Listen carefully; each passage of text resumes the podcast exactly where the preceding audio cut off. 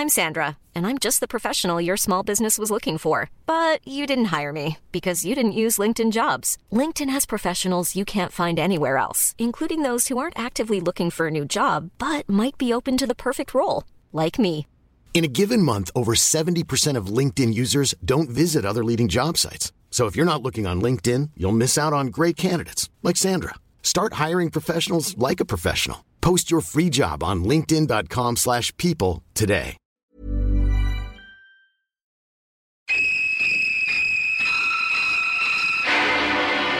Here we have a quiet little motel, when in fact it has now become known as the scene of the crime. You have a vacancy? Oh, we have 12 vacancies. You know, this is the first place that looks like it's hiding from the world. I think that we're all in our private traps, clamped in them.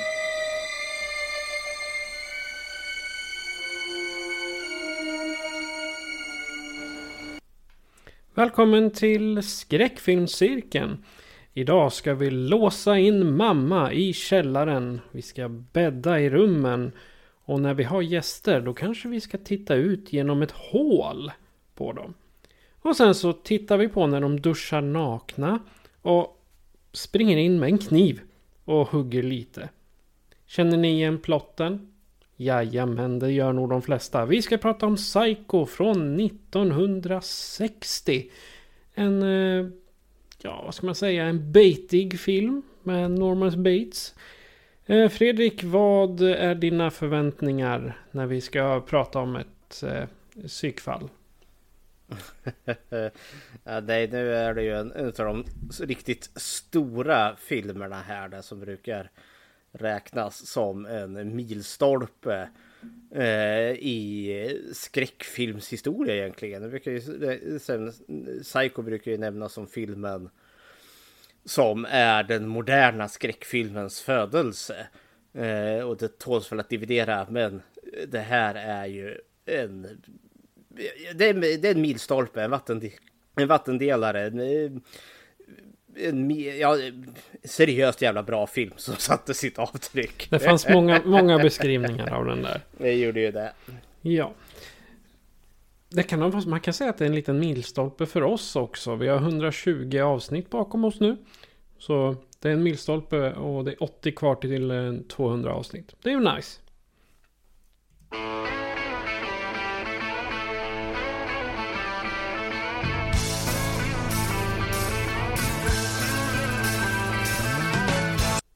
Vi kan inte göra det här själva så eh, välkommen hit Ulf. Eller Fika-Ulf som jag tänkte er, kalla dig. Ja, Fika-Ulf. Okej. Okay. Fulf. Tack så mycket, tack så mycket. Ja, Fulf. Hur är det med dig? Jo, det är bara bra. Det är fredag.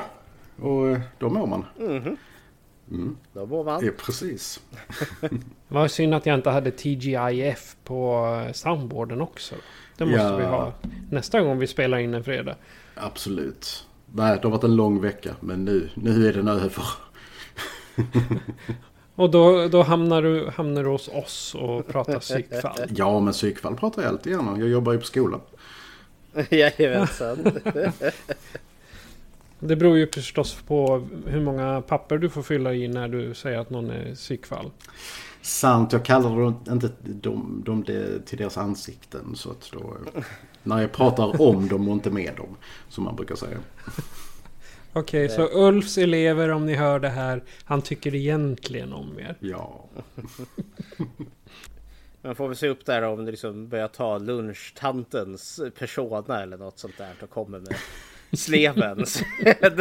Nej men åh, alltså jag älskar vår lunchtant. Hon är, hon är min kaffepusher. För hon, oh. hon vägrar, äh, vägrar dricka det kaffe som alla andra dricker för att hon tycker det är för svagt. Så hon gör jättestarkt kaffe. Och sen så har, oh. har hon då fått nys om att jag också gillar jättestarkt kaffe. Så äh, kommer hon med en kopp liksom bara. Oh. Got a friend, a friend on the dark side. Yes. Men i vanlig ordning då tänkte jag vi ska prata om vad vi har sett sen sist. Så jag tänker vi låter gästerna börja. Har du sett något skoj sen, ja, sen vi pratade sist? Det var ju ett tag sedan. Det var ju ett tag sedan. Men eh, om jag ska ta det absolut senaste jag såg så såg jag den här dokumentären på Netflix om uh, uh, The Hatchet Wielding Hitchhiker. Uh, om den här killen som, han var en hemlös ung, ung man som hamnade i en situation där han var tvungen att rädda en, en kvinna från en galning. Genom att dunka honom i skallen med en hatchet som han hade, han hade med sig. Eh, och, eh, För det brukar man ju det ha. brukar man ha. That would, det, det, det är där de skulle börja ställa frågor. Eh, och han blev någon slags internet sensation över, eh, över natt. För han var väldigt så här, eh, Han var väldigt, väldigt charmig. Den här mannen i alla fall. När de intervjuade honom. Och sen visade det sig att oj, han har nog faktiskt haft ihjäl någon. Inte här men på ett annat ställe. Och eh, så ha- handlar det om hela den här virala eh, ja, virala kulturen och eh, farorna med den och så vidare. Det är Sevärd, absolut. Han går från, jag misstänker han går från hjälte till skurk. I, Ja. Ja, nej men det Jag har inte sett det. Jag har sett thumbnailen till den. Och hovrat lite kring den. För det är true crime ändå så något som är väldigt trevligt. Ja, det är sånt, eh, sånt jag drar igång så här efter en, eh, efter en lång dag på jobbet. Bara, åh, nu ska vi titta. Ja, nej. så Netflix är ganska bra på de där. Liksom, det har blivit en del av deras utbud. Ja. Ända sedan den här Making a Murderer. Det var väl den som verkligen satte igång i hela det där. Och sen har de ju haft sina seriösa hittar där med typ Tiger King och Don't Fuck With Cats och liknande. Precis. Ja, kära värld. Making a... Fredrik då? Mhm, eh, jag, har också, jag har också varit på Netflix och ramlat runt. Eh, Jordan Peele är ju en eh, regissör, skådis, komiker som gör väldigt mycket roligt. Och han... Eh, vad är det den duon heter? Det är Peele och Kay va? Eh, Jordan. ja, K- Key and Peele. Ja, Ja. Eh, för, för de har ju gjort en, eh, en animerad film. Wendell and Wild.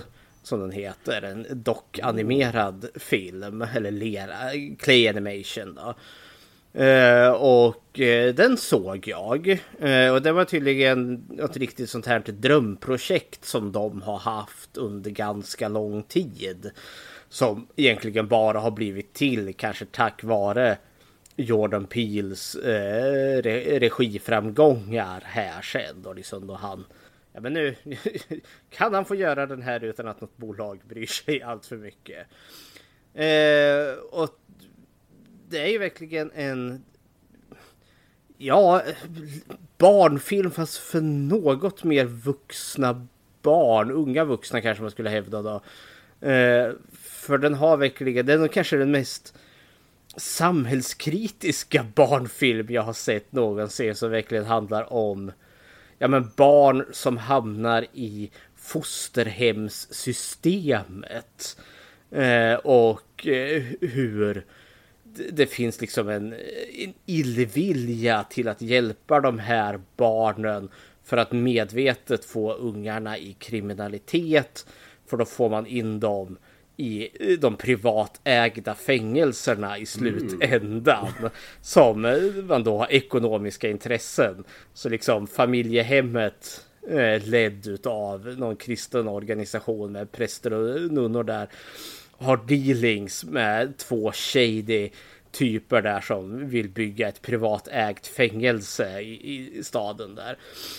Så det är liksom eh, pisseriös backdrop men då, det, det är ett fantasi eh, sagovärld eh, eh här. Men det är också mörkt för de sagoväsen som finns det är ju från helvetet de dyker upp. För liksom plotten är liksom den här tjejen som filmen handlar om. Hon förlorar sina föräldrar i en bilolycka ganska tidigt. Eh, och eh, som hon då är med i bilen när olyckan sker. Och hon, eh, eliten då, blir väl liksom övertygad om att det var hennes fel på något vis och vänster att, för, att olyckan skedde. Och eh, vuxit upp, blivit ung tonåring och har väl liksom varit på glid och har nu liksom hamnat Ja, hon är på sista anhalt. Liksom, antingen är det den här flickskolan eller så var det ungdomsfängelse som gällde. Eh, men det visar ju sig att hon är en Hellmaiden. Och den här flickskolan den ligger ju precis ovanför helvetet som ligger där i underjorden. Så Hellmouth Buffy typ lite så. Ja. det lät väldigt Buffy-eskt. Ja visst alltså. gör det. Men djävulen eh, som bor där nere han heter Buffalo Belser. Och det, och det är det, finns en fantastisk uppfinningsrikedom för liksom helvetet består liksom av ett stort tivoli som är, på, som är då belagt på hans mage. Eh, för han är jättestor den här Buffalo Belser. Och det, liksom, det är ju något riktigt så mardrömskabinett till eh, tivoli. Men då har han två söner då, eh, Wendell and Wild. Och det är det som är Jordan Peele och eh, Kay där då.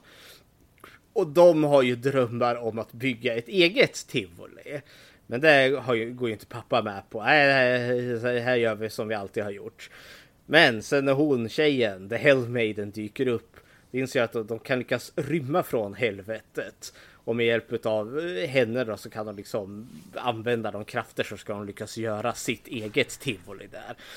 Eh, och så hamnar de då i clinch med eh, ja, de här korrupta människorna som vill göra det här ungdomsfängelset och sen när Buffalo Belser upptäcker att sönerna har rymt, ja då stiger ju han upp till ytan också. Så det är liksom är ganska vilt värre. Det låter helt fantastiskt faktiskt. Jajamensan. ja, men jag tyckte om det, men det, den var udda. Det är liksom det, den har inte den här Nightmare before Christmas-charmen för den har liksom inga musikstycken. Och, och stundom var också leranimationen den var lite osmaklig eller ful rätt och slätt. Mm. Men sen i, i, i, långa loppet så liksom jag gillade den här väldigt mycket. Dels för att ja, men det fanns sådana bottnar som jag inte var beredd på.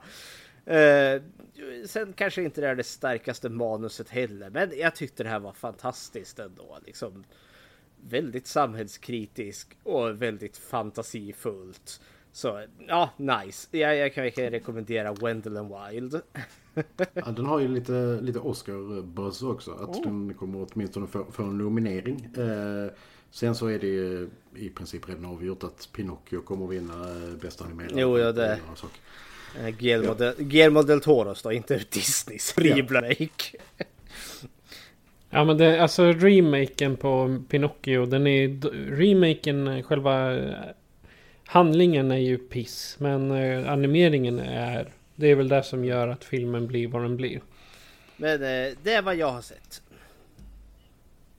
Mm. Ja.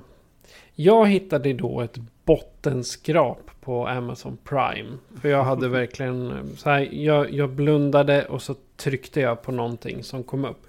Och då hamnar jag på The Bellwitch Haunting från 2013.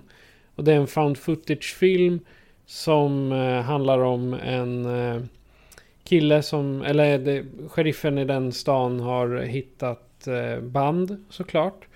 Och så är det en kille som har visat sig att han har hittat häxor i stan. Och det är tre snygga, snygga tjejer som han försöker flörta sig in hos. Shocker! Och sen går allt åt helvete. Så att eh, jag... Ni förstår, jag har bara sett den här och jag kommer knappt ihåg handlingen. Så bra var den. Mm. Men, uh... Och jag har i min... Jag har, i, I år fick jag faktiskt en bok av min uh, kära flickvän som uh, har hjälpt mig att fylla i vad jag har sett för filmer. Mm. Och jag gav den en röd stjärna. Det vill säga det absolut sämsta som går. Det var alltså lite naket i den. Jag tänker tre, tre heta häxor. Men... Ja, det är djupa cleavage. Ja, okej. Okay.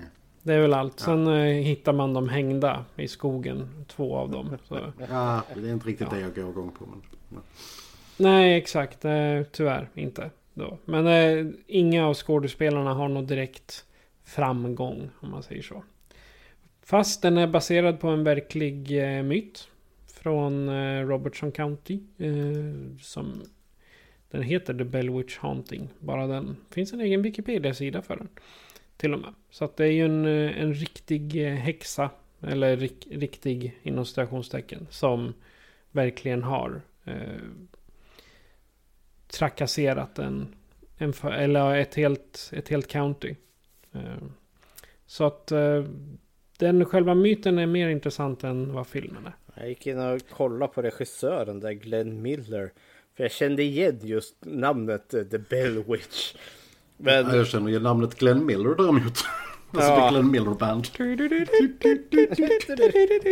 eh, så, så tur var det inte. Nej men det var verkligen bara en kavalkad utav Mega Crocodile, Crocodile versus eh, Mechanical Octopus och Sharknado fanns med där på något hörn som har varit ass- assistant director och bara en uppsjö eh, så här direkt till DVD-mög. Och detta var hans Han kanske har gått i. Roger Cormans skola. Det är det som är så tråkigt liksom, när man, nej, liksom, man har gått Corman-skolan. Det är, Corman är ju onekligen B-kung. Men det är just, det finns fortfarande en viss form av kvalitet i Cormans skit. Det finns Ja. liksom, men den här nya, ja men spin-offen som vi har haft med, med er i Film i fikat, det här Di- Dino eh, skiten som vi har sett på Sidon Rex och liknande. Nej, det har inte samma charm som Cormans Cheese Factory-filmer har. Ja, jag vet Men det är, inte. ja, men det är lite det att alltså, Cor- Corman han, eh, han, går, han utgår inte från att det ska vara cheese. Alltså om Mm. det blir bra så blir det bra. Men de här, de- den nya tiden är snarare bara att vi ska göra det så dåligt som möjligt. Ja, bara, men, ja. ja, det, det förlorar sin charm då. det gör ju det. Men Sen Corman har ju, har ju faktiskt en skola där lovande manusförfattare, regissörer och, och så vidare kan få gå. Jag kommer inte ihåg antagningsprocessen men han har ju eh, alltså utbildat ganska Ja, meriterade eh, som finns nu. Så att det är, han som personlig regissör, han gör shitfest. Men han, eh, och då använder han väl det och lär andra hur man inte ska göra. Ja, eller, eller processen. Så här, så här gör du en film. Och sen så får du använda dig av det Ja. bäst du vill. Men det är lite som, eh, det är kudos till det att, för det är typ Lo- Lloyd Kaufman, Troma, de gör ju också något liknande liksom hur eh, hans bok där, All I learned about making a movie liksom som är verkligen en guide liksom hur du gör en film för amatörer liksom. Och det, är- det är ju all kudos, så det, så det är kul. Men det är lite Roger Corman, peppar peppar ta i trä, han lever än. Eh, och Lloyd Kaufman, det är liksom de sista liksom original independent gubbarna som har liksom gjort film. Ja, kära Men samtidigt, de har trott på nya talanger. Alltså, jag menar, Joss Whedon, han kommer ju från den kanten utav, vad ska man säga, han var ju inte särskilt omtyckt till en början. För han började ju bara som en, och, re- och reparera manus, liksom fick sitta och skriva om Jag dem. tänker säga att han han är, han är fortfarande inte omtyckt, eller han har gått och blivit lite Han, toxic. hans karriär har varit liksom så här. Bara så, whoop. Jajamensan. Han gick upp väldigt högt och sen sket det sig. Ja, Jag, jag tänker mera på när han, när han slog igenom med Buffy där. Han, han, var, han var absolut inte omtyckt utan och de låste in han bakom ett skrivbord för att han... Vi vill, vi vill inte ha det här men skriv om det här manuset du. Så. Och i stil med det så kan jag tänka mig att det är sådana Corman fångar upp. Och sen de som Corman lär upp kanske blir populära. Till skillnad från Mr. Eh, Joss Whedon där. Men, men, det var mina senaste.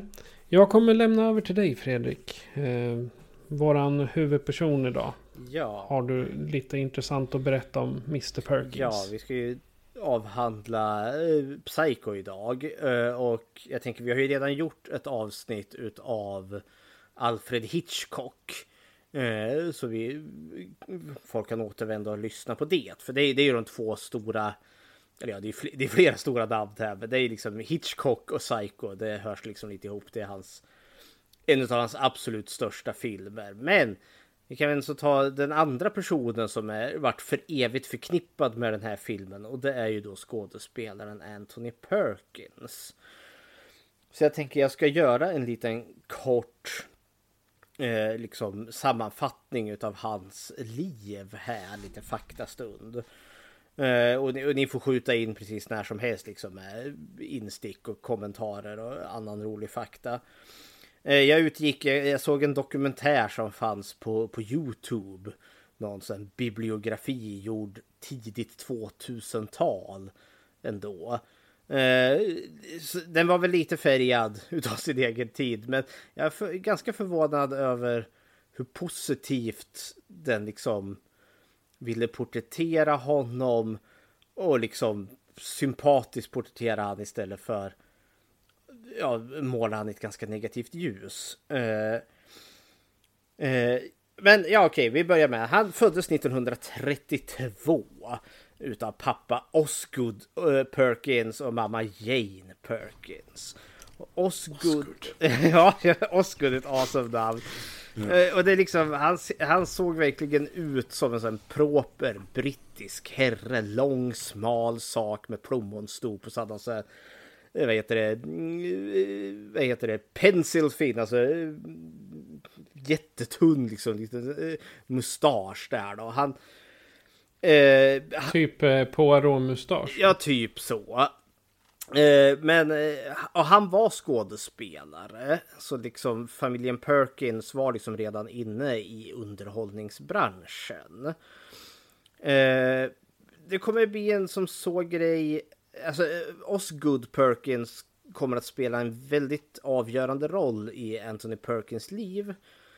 Eh, I sin frånvaro faktiskt. För eh, Osgood dör eh, i en... Han, han, får en hjärtinfarkt eh, och dör under en filminspelning när eh, Anthony Perkins bara är fem år gammal. Eh, och det kommer resultera i att Jane då flyttar senare då ihop med en kvinna som heter eh, Michaela O'Hara. Eh, och de kommer då att bo ihop i 40 år. Vänner som det hette. Really good friends. Nej. back, back in those days. Back in those days. Nej, men eh, det var något som de nämnde i den här dokumentären också som att ja, nej, de var inte bara liksom två goda vänner som levde ihop. Nej, de, de, de vart ju ett kärlekspar. Eh, och jag tänker det kommer också kanske spela in liksom att ja, men Anthony Perkins eh, kommer ändå växa upp i en ganska starkt kvinnodominerad miljö med eh, öppet lesbiska, eh, ja, två mammor där. Men också i en tid där eh, öppen homosexualitet är synnerligen icke okej. Okay. Sen dessutom så eh, det här med att hans far dog, jag läste så fruktansvärt sorgligt citat. Att um, han har ju varit, alltid varit väldigt nära sin mor, mm. alltså Anthony Perkins. Uh, och uh, uh, han sa att han re, redan då i 4-5 års åldern hade, hade så önskat att pappa skulle dö. Oh. För, för att han skulle få mamma för sig själv. Mm. Alltså Alltså så här som småbarn kan överdriva och så här. Och sen när han verkligen dog så blev det liksom så här livslångt trauma mm. och skam och skuld. För han liksom bara, åh det är mitt fel att han dog. Ja. Uh. Och det är där liksom det här skammen och skulden, liksom tragedin hos mm. Anthony Perkins. Alltså det känns som hans liv och sorg, det kom väldigt mycket väl ihop. Eh, men eh, som sagt, han, han har ju liksom ingen, ingen fadersfigur egentligen. Men han, hans pappa spelade ju ändå så in filmer och det finns liksom ljudupptagningar och liksom allt möjligt. Och det kommer han ju använda sig jättemycket av. Så han, han drömmer ju ganska tidigt också att bli skådespelare.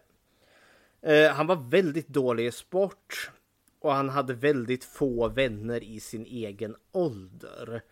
De spekulerar lite här liksom att de här två, hans mamma och eh, hon O'Hara, det var två ganska intellektuella kvinnor. Så det var mycket så här poetry, liksom diskutera politik och litteratur och allt vad det är. Och så hade de liksom ja, andra liksom mer eller mindre liksom kända eller liksom eh, tongivande personligheter inom olika kultursfärer. Så liksom, han vart väldigt lillgammal direkt, stackars. Det är bara, det är bara and there's a kid uh, in the corner. Never mind him. Ungefär så, men det gjorde väl också att uh, han, uh, han vart lite mognare och liksom det funkade inte riktigt med de andra kidsen. men skådespeleri ändå. 1950 där, då eh, börjar han på Rolling College. Och där fick han då, alltså han, han kommer ju inrikta sig på just teater och han får väldigt mycket fin kritik. Eh, och eh, som de beskrev, liksom, ja, men, han, han, han, är så väldigt vältalig och han har också liksom kroppsspråket och han spelar väldigt gärna liksom det romantiska eh, manliga, liksom the, the, the male romantic lead. Han är liksom Romeo i, i Romeo och Julia berättelsen. Eh, och 1953 då hoppar han nämligen av eh, utbildningen och sätter sig på bussen och pruttar rakt ner till eh, California Hollywood där och liksom ja, ska vi skådis? Jävlar. Jävlar i min lilla luda. Och han, han imponerar direkt och blir faktiskt får en huvudroll eller en delad huvudroll där i filmen The Actress 1953 där. Som där någon, ja men film om en skådespelerska som då blir förälskad i en ung vacker man där. Filmen fetfloppade tydligen. Men det är lite kul som då att bland hans första filmer så är han liksom i huvudroll direkt. Det vanliga brukar mm. vara liksom att man är liksom eh, statist nummer 42 som sitter på någon diner eller något sånt där. Men nej, han knep en huvudroll i ganska ögonen bums. Det var en annan tid om vi säger Det var en annan tid. Men eh, som sagt, den floppade, det funkade inte så han återvände då till Rollings College där. Eh, och eh, vid den här, han är runt omkring 17-18 år där någonstans. Eh, närmare 20 kanske. Nej, men där börjar han verkligen utforska sin sexuella sida och han kommer inleda flera liksom, sexuella relationer med andra manliga studenter där. Eh, men det kommer en eh, det, det, blir en skandal på Rolling College då en, eh, två studenter då blir påkomna. Och då för att rädda Rowlings anseende så liksom slår man ner på det här. Eh, för liksom det, det, blir, det blir skriverier i tidningarna. Åh, det är smaskigt. Det är fullt av dekadenta ungdomar där. Så de här, de, de åker ju ut, de med flera. Eh, och det är en, det är en grisig historia. Perkins åker inte på det, för det blir inte uppdagat. Men han ser ju ja, effekt... Ja. Uh, uh, intressant uh, intressant uh, grej förutom att de kastade ut dem så, så var en åkte i finkan. Ja. Alltså för att, för att en en gay basher slog honom. Mm. och därför så åkte han i finkan. Ja, Eh, men, eh, men Perkins, alla visste ju att han var mm. gay vid, vid, vid det här laget. Men han var så, eh, han skyddades av teaterprofessorn. Mm. Ja men han har Friends in high places och det var väl det man var tvungen att ha. För den här, vi är... Men var, det var väl olagligt då till och med? Ah, alltså att vara homosexuell? Ja, alltså det är olagligt, inte på det sättet liksom att det var kriminellt att vara homosexuell, men det sågs... Du blev väldigt diskriminerad i alla fall. Gud ja, och det sågs ju liksom som alltså Eh, en psykisk sjukdom, liksom eh, ett tecken på din dåliga moraliska karaktär. Och det var ju en sån enorm Ja, vad ska man jämföra? Alltså, ungefär som kanske idag man reagerar mot någon som är pedofil. Säg liksom, det, det, det räcker liksom bara med blotta anklagelsen och så åker du ut. För du, det är en person man inte vill ha att göra med. Bort från skolan, bort från arbetsplatsen. Det är en person som man kan liksom vräka från sitt hem. Liksom det, är, det är vider och äckel. Eller, för, eh, eller om vi jämför med, med tiden, alltså jag, jag tänker mig mycket med, med den eh, svarta befolkningen. Alltså just att rent lagligt sett så eh, var liksom slaveriet avskaffat sedan länge och så vidare och så vidare. Men attityden var, var så fruktansvärd. så att... Ja, för, för, det fanns ju... Det är den ju fortfarande. Ja. Jo, sant. Det har ju blivit sjukt mycket bättre nu. För det är det som kanske är en del av den tragedi. För det här är ju något som kommer återvända, liksom var Perkins stora sorg genom hela hans liv, liksom hans sexuella läggning som han liksom hela tiden måste... Men han lever ju liksom i, han lever i garderoben hela tiden. Eh, alltså, han är så långt in i garderoben så att han hamnar i norr. Jajamensan, det är han och Aslan hänger omkring där. Nej men liksom det fanns ju verkligen alltså genuina liksom sociala liksom, risker eh, med det här. För många var det ju det att man kunde ju bli av med jobbet och med hemmet. Liksom, du riskerar ju arbetslöshet och hemlöshet. Och då i stort sett för liksom att en arbetsgivare vill inte ha med en sån här person att göra för det skadar liksom kanske eh, affärsverksamhetens eh, rykte, säg liksom om du arbetar i butik Nej, men då slu- eh, dit går inte jag och handlar om det finns sådana där människor där. Usch och fy. Eller en hyresvärd kan också vräka en liksom för att ja, men det, så, sådana dåliga människor vill man ju inte ha att göra med. Tänker bara på Mrs. vad heter hon? Foxworth. Ja. bara, oh! oh no. Oh no. The gays are coming. The gays are coming. men eh, han, som sagt, ja, eh, han, han klarar sig, men det är ju tack vare liksom kontakter där då. Eh, men han, han, kommer ändå så liksom... Han, han, kommer få sitt stora break i en Broadway-pjäs som heter Tea and Sympathy. Te och sympati. Där han faktiskt då spelar en, en ung man som brottas med sin sexualitet. Och det... Som ska bli omvänd av rätt kvinna. Ja. Så liksom, oh. han, han, kan spela homosexuell på scen. Så länge han blir botad där på slutet där då. Vad va bra han är på det. Det är nästan som man får det.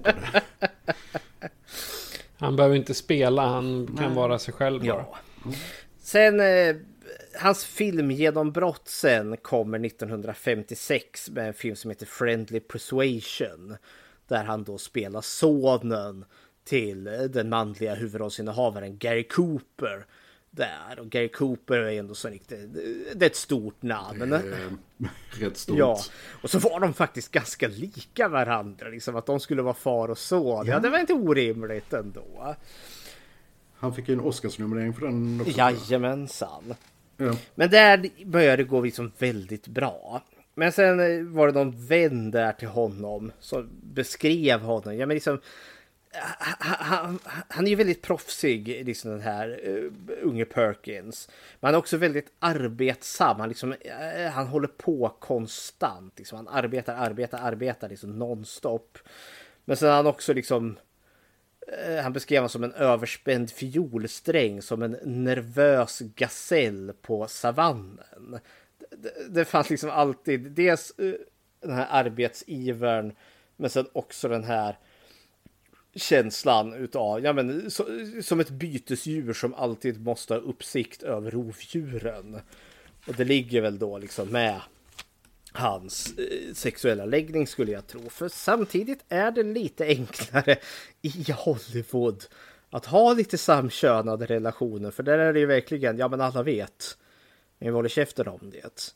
Men skulle skvallerpressen, alltså skulle du bli påkommen liksom, eh, du blir fotograferad på eh, motellet där, att då är det kört. Då, då ryker alla kontakter och varenda filmbolag kommer ta handen ifrån dig. Så det, det är ju det. Var det inte var inte vi... Ja, det var lite tidigare visserligen, men eh, var det inte... Vad heter han?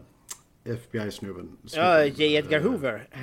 Ja, jo, eh, han, eh, han, han likställde väl, om jag inte minns fel, homosexualitet med, det var samma land, eh, landsfarer som kommunister. Ja men det... det Det var, det, det var illa på den Ja, tiden. och då, då, Ja. ja, ja, men kommunisthotet var ju också sådär. Men då var det ju inte liksom direkt just att bögarna var kommunister. Utan det var snarare... Det, eh, jag kommer ihåg det, för jag har lagt det här på minnet. För jag tycker det är så vansinnigt jävla dumt. De borde ha hejat till själv. Nej, men I och med att man behandlade eh, homosexuella män och kvinnor så jävla illa så fanns det ju faktiskt en möjlighet för kommunistiska Sovjet att liksom om de kommer på aha men du är ju bög nu ska vi tvinga dig till att bli spion annars outar vi dig för din egen regering. Så de kom fram Alltså de skapar, ja, de skapar verkligen sitt, sitt, eget eh, potentiella problem. Ja. Liksom, Jag har den här gruppen människor som vi behandlar skitilla så att våra fiender kan liksom hota dem med att anmäla dem till oss om de inte spionerar på oss. Så därför måste vi tycka illa om bögarna. Liksom, nej. Jag vill se den filmen Gay Spies. Gay Spy. Ja men det har ju, vad heter den? Eh, Force Q. Eller Q-Force heter den på Netflix. Där har du Ja, bögspa- bögsbataljonen. Ja, just det. Ja, men det, det tänkte jag inte på faktiskt. Nej men, eh, och det är också såklart J. Edgar Hoover levde ju hela sitt liv tillsammans med en annan man. De var ju bara vänner. Så pass som delade, som ja. sov i samma säng och vart begravda tillsammans sen också. Hyckleriet är totalt. Men eh, tillbaka till Perkins här då. Eh, här kommer vi snart få ett ljudklipp här. För i den här dokumentären nämnde de att eh, när han fick det här stora genombrottet, alltså filmgenombrottet, Eh, så eh, han gjorde lite fler filmer, men han gjorde också musik tydligen. Han gillade att sjunga, så han släppte fyra album. Jag tänkte vi skulle få lyssna på ett utav dem. Bara ett litet snippet utav när Anthony Perkins sjunger. Så take it away Patrik.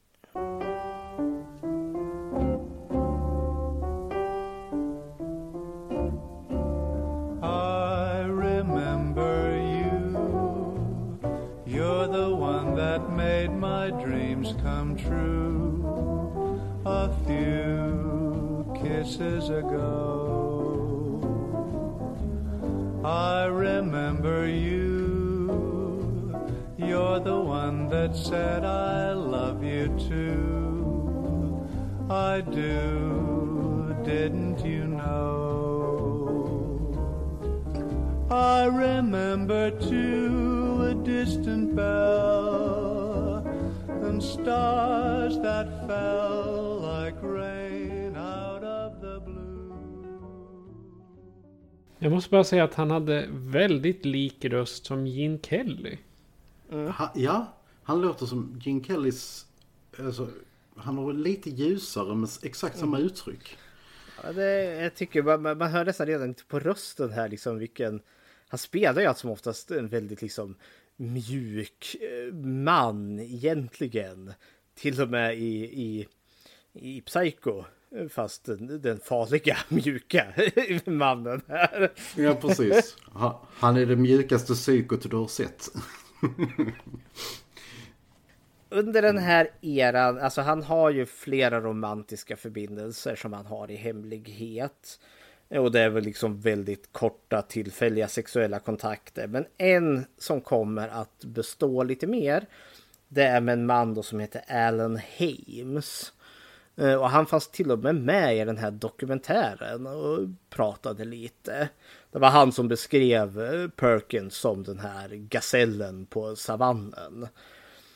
Eh, och han beskrev också då att ja, men, Perkins verkligen vantrivdes med att vara eh, homosexuell, att känna de här känslorna gentemot samma könet. Han, beskrev det som att om, om, om någon kom och gav honom en tablett som sa att ja, men det här botar dig, nu du blir straight efter det här, då skulle han ta den direkt. Så jag tänker liksom att det, ja, det skvallrar ju lite om det, liksom det, det självförakt som finns här. Och liksom vad sin egen samtid har skapat eh, hos honom. Och då kan jag tänka mig hos många andra också. För Perkins är också samtidigt i en ganska privilegierad sit alltså, situation. Han är skådespelare, han är liksom spelat i, i, i Hollywood. De stora bolagen har accepterat honom. Så liksom han har både liksom, han, han har pengar och medel vid, vid, den här tiden. Men ändå så är han så jävla begränsad i sitt privatliv. Eh, det, det, det, han gjorde någon film till där som var lyckad som jag har glömt bort skriva ner. Men han gör flera andra här nu där han verkligen spelar då det, det, det romantiska manliga intresset och man försöker verkligen göra han till liksom det nya eh, loverboyen, hotboy. Men det funkar inte riktigt.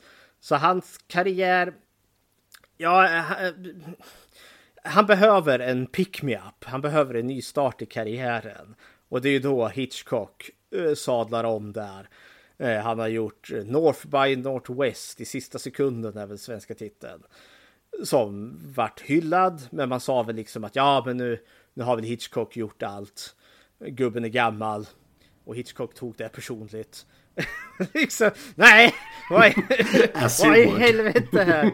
och då skulle han ju göra någonting nytt och sen kom ju då Psycho här Eh, och det är ju en hel historia bara liksom hur den filmen blev till om inte annat. För det, det var ett jävla riskprojekt överlag för han fick ju mm. finansiera den i stort sett själv.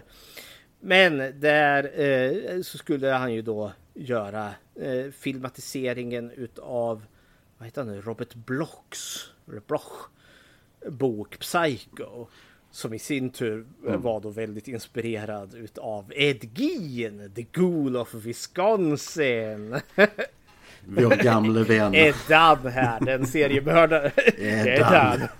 Den, den seriemördare som enskilt har påverkat populärkulturen mest skulle jag tro. Eh, ja, i alla fall i mest framträdande ja, roller. I, I den boken så är Norman Bates en medelålders, tunnhårig, överviktig, liksom oljig till hyn, äcklig man som liksom flåsar och onanerar eh, när han liksom tittar i, i sitt titthål där liksom. Norman Bates är en disgusting as fuck karaktär. Medan eh, Alfred Hitchcock tyckte nej, vi behöver någon som är eh, en riktig så här, mammas pojke. Eh, och twisten ska ju vara just att han är liksom, han klär ju sig till och med i mammas kläder där. Och Ja, det är så, det är, alltså, det är så briljant liksom ändring i manus där. Alltså eh, från att vara liksom den stereotyp mm. äckelgubben till liksom svärmorsdrömmen. För liksom... Men jag tror det passade hans, hans personlighet också. Att spela en Mamas boy som du sa och sen att han är, egentligen är ganska ensam. Jag menar, då kan man tänka sig skolans tönt.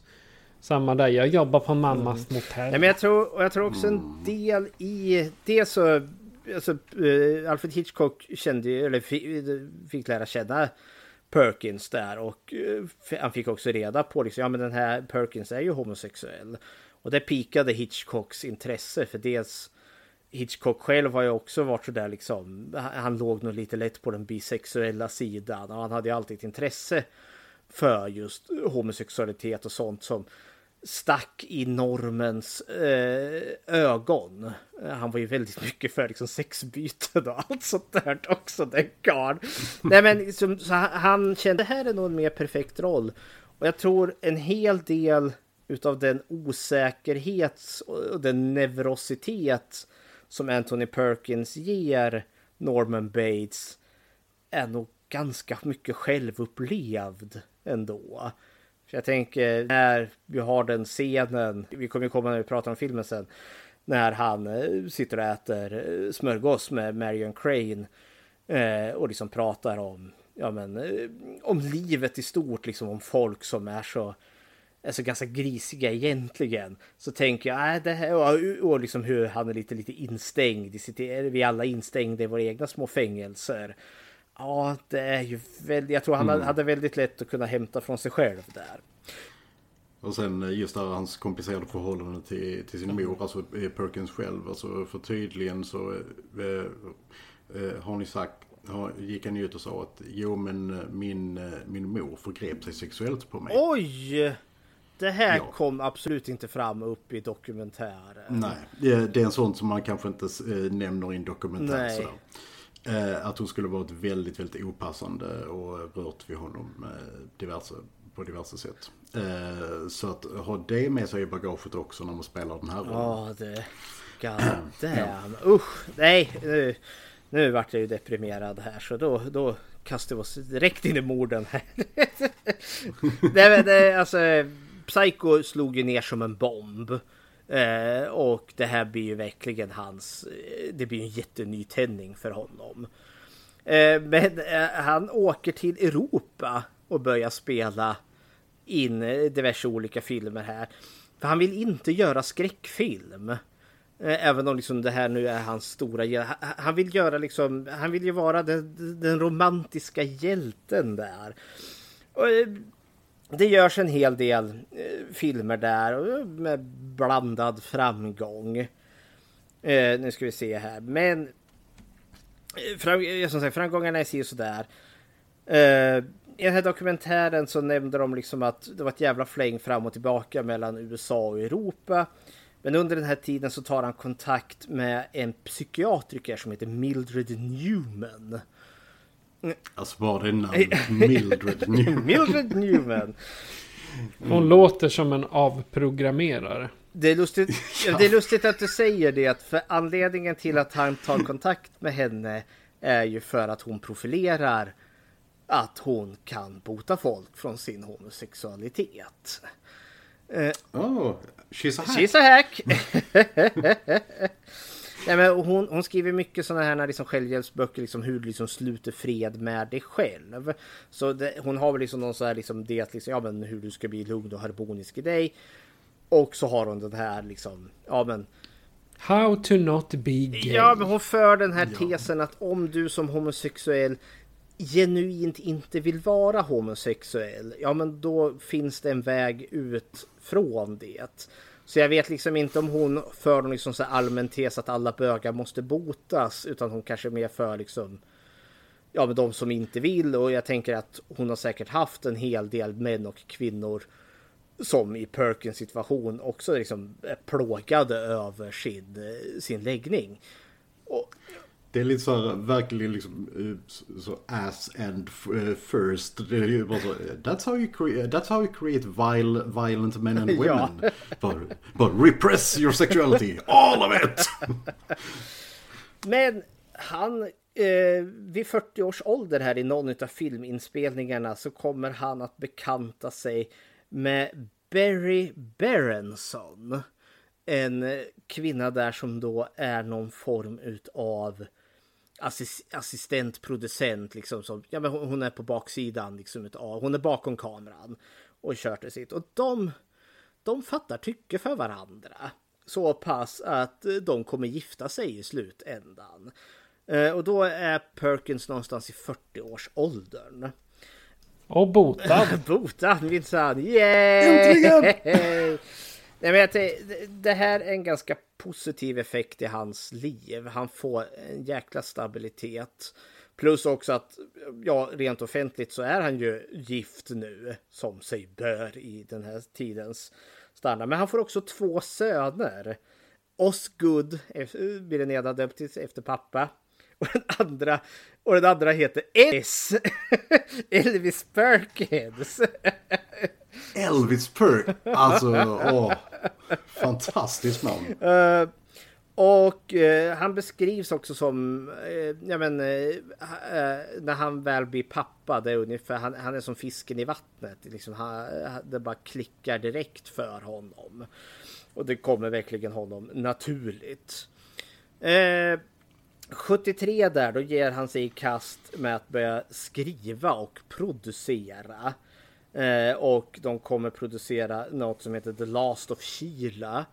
Eh, som av kritikerna blir jättehyllat. Men utav publiken fetfloppar för liksom intresset finns inte. Så det vart liksom hans första och sista liksom writing credit där. Men sen året efter får han eh, liksom en liten eh, skådespelar-revival igen för då kommer filmatiseringen av Agatha Christies bok Mordet på Orientexpressen. Och den är ju jäkligt skådespelartung med Sean Connery och Ingrid Bergman och allt sånt där. Och han blir en utav skådespelarnamnen där. Så liksom, filmen slår ganska bra. Eh, och han liksom kan alltså mingla där med alla andra Hollywoodkändisar. Så liksom, ja men det, det går bra nu ändå. Så vad gör man då? Jo men då utvecklar man ett drogmissbruk. ja. Och vad är the drug of choice? Jo det är ju LSD. Vilket bara är en jättekonstig sak att vara beroende ja. av.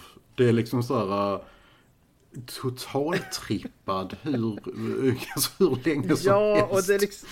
Ja, men alltså LSD det är ju Det är väl det som är partydrog som man inte blir trött Nej det, det är en väldigt Det, av, det, är, det är en hall, äh, ja, hallucinogen Hallucinogen ja.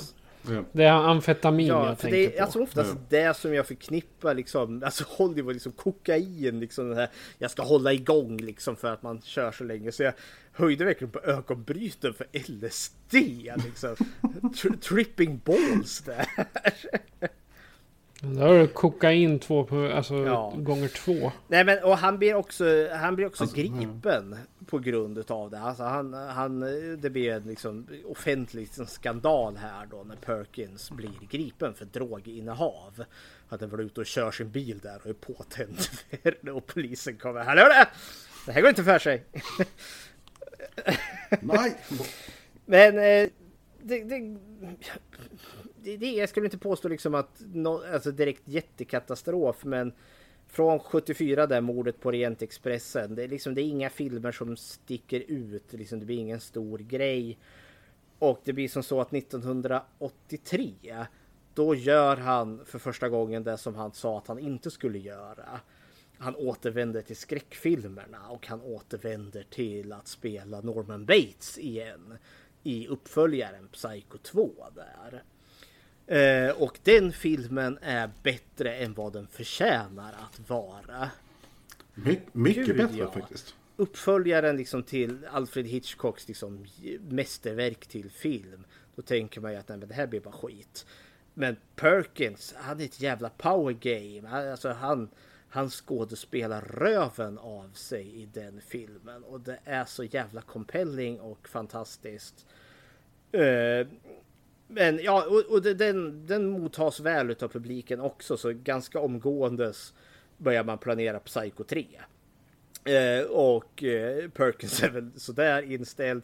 Men de säger, men du får regissera den. Och han, mm, mums, det får han göra. Och det gör han. Eh, och det går inget bra. Det har väl gått och blivit sådär att trean har väl i efterhand liksom, den har väl blivit en sån kanske kult liksom folk kommer tillbaka liksom. Nej men den, den har sitt ändå. Ja. Alltså jag gillar trean måste jag säga. Alltså den är inte, den är inte lysande film men den är, den är underhållande. Den har lite charm. Ja, och jag tror liksom ja. han, han fick liksom göra lite sin, han fick lite kreativ frihet. Så den, den är ju lite udda i jämförelse med de andra filmerna. Ja, men eh, han har väl insett att skräckfilmscommunityt älskar honom och det är där han får jobb. Och det kommer bli en uppsjö av skräckfilmer som han gör och han spelar liksom i regel alltid någon variant utav Norman Bates, liksom en neurotisk sinnessjuk mördare där.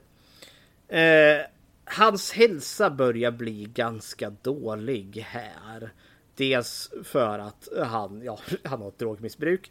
Eh, men, och han, han har hela tiden kört i 190. Eh, men han har ju hiv. Eh, utan att, utan att veta om det. Ja, och det, i den här dokumentären tog ja. de upp en berättelse där som jag kände var så jävla grisig. Eh, För det var i 80-talet kom där eh, och hiv-epidemin liksom blir bli känd. Eh, och det, man kopplar ju ihop, man gör ju kopplingen hiv och homosexualitet. Olyckligt nog. Pandemi ja, till och med. Men då är, och ryktena går ju, de florerar ju sjövilt om Anthony Perkins, liksom eh, manliga älskare där. Så under ett läkarbesök för andra relaterade alltså sjukdomstillstånd, då tar den läkarjäveln ett, blodprov och i hemlighet då gör ett HIV-test på den. Och mycket riktigt ser jag, aha, han har ju hiv. Och då läcker ju han det till skvallermedia, alla säljer det. Eh, så då kommer det ut i skvaller liksom. Anthony Perkins har hiv, är han bög? Eh, det, det kan de ju... Och det är så och det är så ja. Perkins får reda på att han ja. faktiskt har hiv. Genom ja, skvallerpressen. Det, det, det, det, får jag dem att liksom göra ett eget test. För, för än så länge här så kan man ja. ju bara liksom avfärda det som skvaller. Men ja, kära Och då, ja han är, han är ju sjuk. Eh, men han håller igen det här också ganska mycket. För liksom, man kan väl avfärda det här liksom skvaller i media som skvaller. Och ingenting annat. Men han kommer också liksom närmare slutet av sin tid också engagera sig i hiv eh, grupper liksom för, för bekämpning av det. Och i slutändan kommer han ju ändå så bli ganska upp öppen och prata om det närmare slutet av sitt liv. Eh, han dör ju eh, 92 vid en ålder av 60 där. Och den här dokumentären tog ändå så upp mm. som var en liten ljusning i det hela. För han var ju, han var ju så otroligt rädd för liksom att bli svartlistad, få den här stämpeln på sig. Men den sista tiden då han ändå så blev öppen eh, och pratade om sitt sjukdomstillstånd där Eh, så vart han väldigt väl mottagen och han fick eh, liksom en enorm uppbackning utav själva communityt av de som hade hiv eller de som hade anhöriga drabbade av det. Mm. Eh, så han gav ändå så liksom något form av sista liksom ord liksom att hans sista tid som hiv-sjuk så fick han all liksom den här liksom närheten, värmen och, och liksom kärleken som de 40 år som han spenderat i, i Hollywood aldrig kunde få uppleva. Så visst, han dör före sin tid, men det, det var en liten ljusning där i mörkret när han ändå så kunde. Ska, ska, ska, ja, ska jag krossa ditt hus? ja, Hans, ja. Eh, hans änka, hon hon sitter på ett av planen som kraschar in i World Trade Center 11 september. But God! This, This family! family. Oh. Oh. Kära värld. Men okej. Okay. Mm. Om vi koncentrerar oss på Perkins och hans tragiska liv. Där. Nej men... Uh, fan. Men uh, Eh, han dör åtminstone liksom omgiven utav sin fru och sina barn och hon har ansträngt sig väldigt liksom att göra hans sista tid så, så smärtfri som möjligt. Liksom var fylld med, med kärlek och värme. Och han lämnar efter sig liksom två söner som han ens har fostrat väldigt väl eh, och liksom fylld med liksom en faderskärlek och allt det där. Så liksom den biten, liksom, han, han var ju inte en hemsk människa på så sätt. Sen förde de väl fram i dokumentären att han hade ju manliga älskare under hela den här tiden och sen dividerar de om han hade det bakom hennes rygg eller om hon var medvetet om det och som att de hade en överenskommelse. Det framgick inte riktigt. Alltså, ja. Alltså det låter, alltså, det låter ju väldigt mycket som ett mm. marriage of, of convenience. Alltså ju, jo. Om, om något. Men hon begärde ju aldrig ut skilsmässa heller liksom så. Nej, det kan nej, ju också nej, vara återigen i den att... eran vi befinner oss i och mm. han sitter ju på en jävla massa pengar och det vill man ju. Men jag vet inte. Jag vet, någon silver lining här tills som att talibanjävlarna kom och förstörde alltihop. Ja det är liksom bara när jag läste hans biografi så bara så. Ja men okej det gick rätt bra till slut trots han dog ung. Och så, så dog hon 11 september. Vad fan. men det var Anthony Perkins i alla fall. Då. Eh, hans liv och gärningar. Eh, och jag ska ju villigt själv erkänna att av, av de filmer jag har sett honom i då är det ju den här sista eran. Skräckfilmerna som jag mest sett honom i. De här andra, liksom hans tidiga mer, eh, där han spelar eh, the, the, romantic lead. Jag, har, jag tror inte jag sett någon av dem faktiskt. Jag har sett uh, Friendly Persuasion. Har jag sett. Uh, mm. Den är faktiskt riktigt bra. Uh, men uh, de andra... Nej, nah, jag much. tror liksom att han vart nog för evigt förknippad med Norman Bates. ja men det var Perkins i, i korta drag. det var Perkins. Väldigt intressant liv ändå, även om det var tragiskt på mm flera sätt. Och ja, flera sätt. Många sätt. Så. Just det, en riktig prop från filmen. Uh, den här, ja, jag antar det går ut på, på YouTube också. Videon hittar du på Patreon. Annars så kan du se en bild i uh, beskrivningen eller på Facebook. Den här skeden med den här vackra mannen i Eh, som för övrigt är The Ginosagi The Spoon Killer. Eh, på, som har en hel, hel serie på internet. Eh, jag intervjuade honom för, för massa, massa år sedan. Och eh, han eh, hade ett antal sådana här skedar. Och så, så frågade jag honom bara, eh, alltså varför skedar? Varför The Spoon Killer? Och så säger han att, eh, så sa han att bara, jo, han jobbade oh. på Universal Studios. Och det är han som har hand om, eh, eller hade hand om husgeråden i, på det sättet ah. som var Bates Motel som de har flyttat dit. Det här är stöldgods från Universal Studios, Bates Motel. Det är Norman Bates tesked! Helt fantastiskt. Så, så, så jag bara, jag bara herregud, alltså, ha, alltså, har den som jag kan få köpa? Och han bara så, nej du kan få den här, jag har tio till. Men det, det är hans, eh, vad heter det, ansikte i den då som han själv faktiskt, nej, det är ju för ja, roligt ändå. Ja. ja.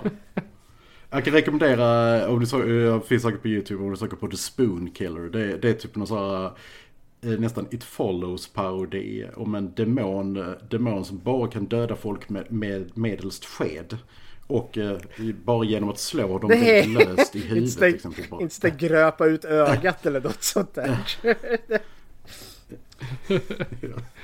Och han, han, och han förföljer ju alla, alla då, sina offer uh, relentlessly tills de typ tar livet av sig själva för de inte orkar längre. Det är jävligt jobbigt med den där fan liksom som står där lätt tappar det i huvudet med sked. Jaha. Spraff. Kill by spoon. Mm. Ja, ja. Men då så, från en sked till en dusch. Och eh, Alfred Hitchcocks Psycho från 1960. Och här kommer en trailer. Here we have a quiet little motel, when in fact it has now become known as the scene of the crime. You have a vacancy? Oh, we have 12 vacancies. You know, this is the first place that looks like it's hiding from the world. I think that we're all in our private traps, clamped in them.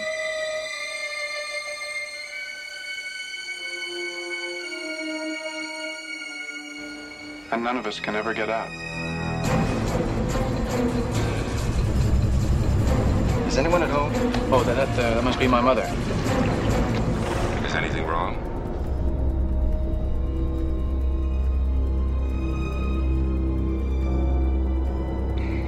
Am I acting as if there's something wrong? She's not missing so much as she's run away. Put me down. Mother!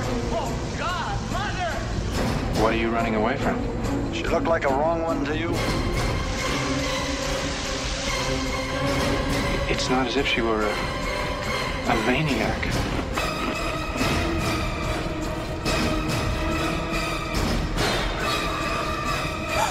She just goes a little mad sometimes.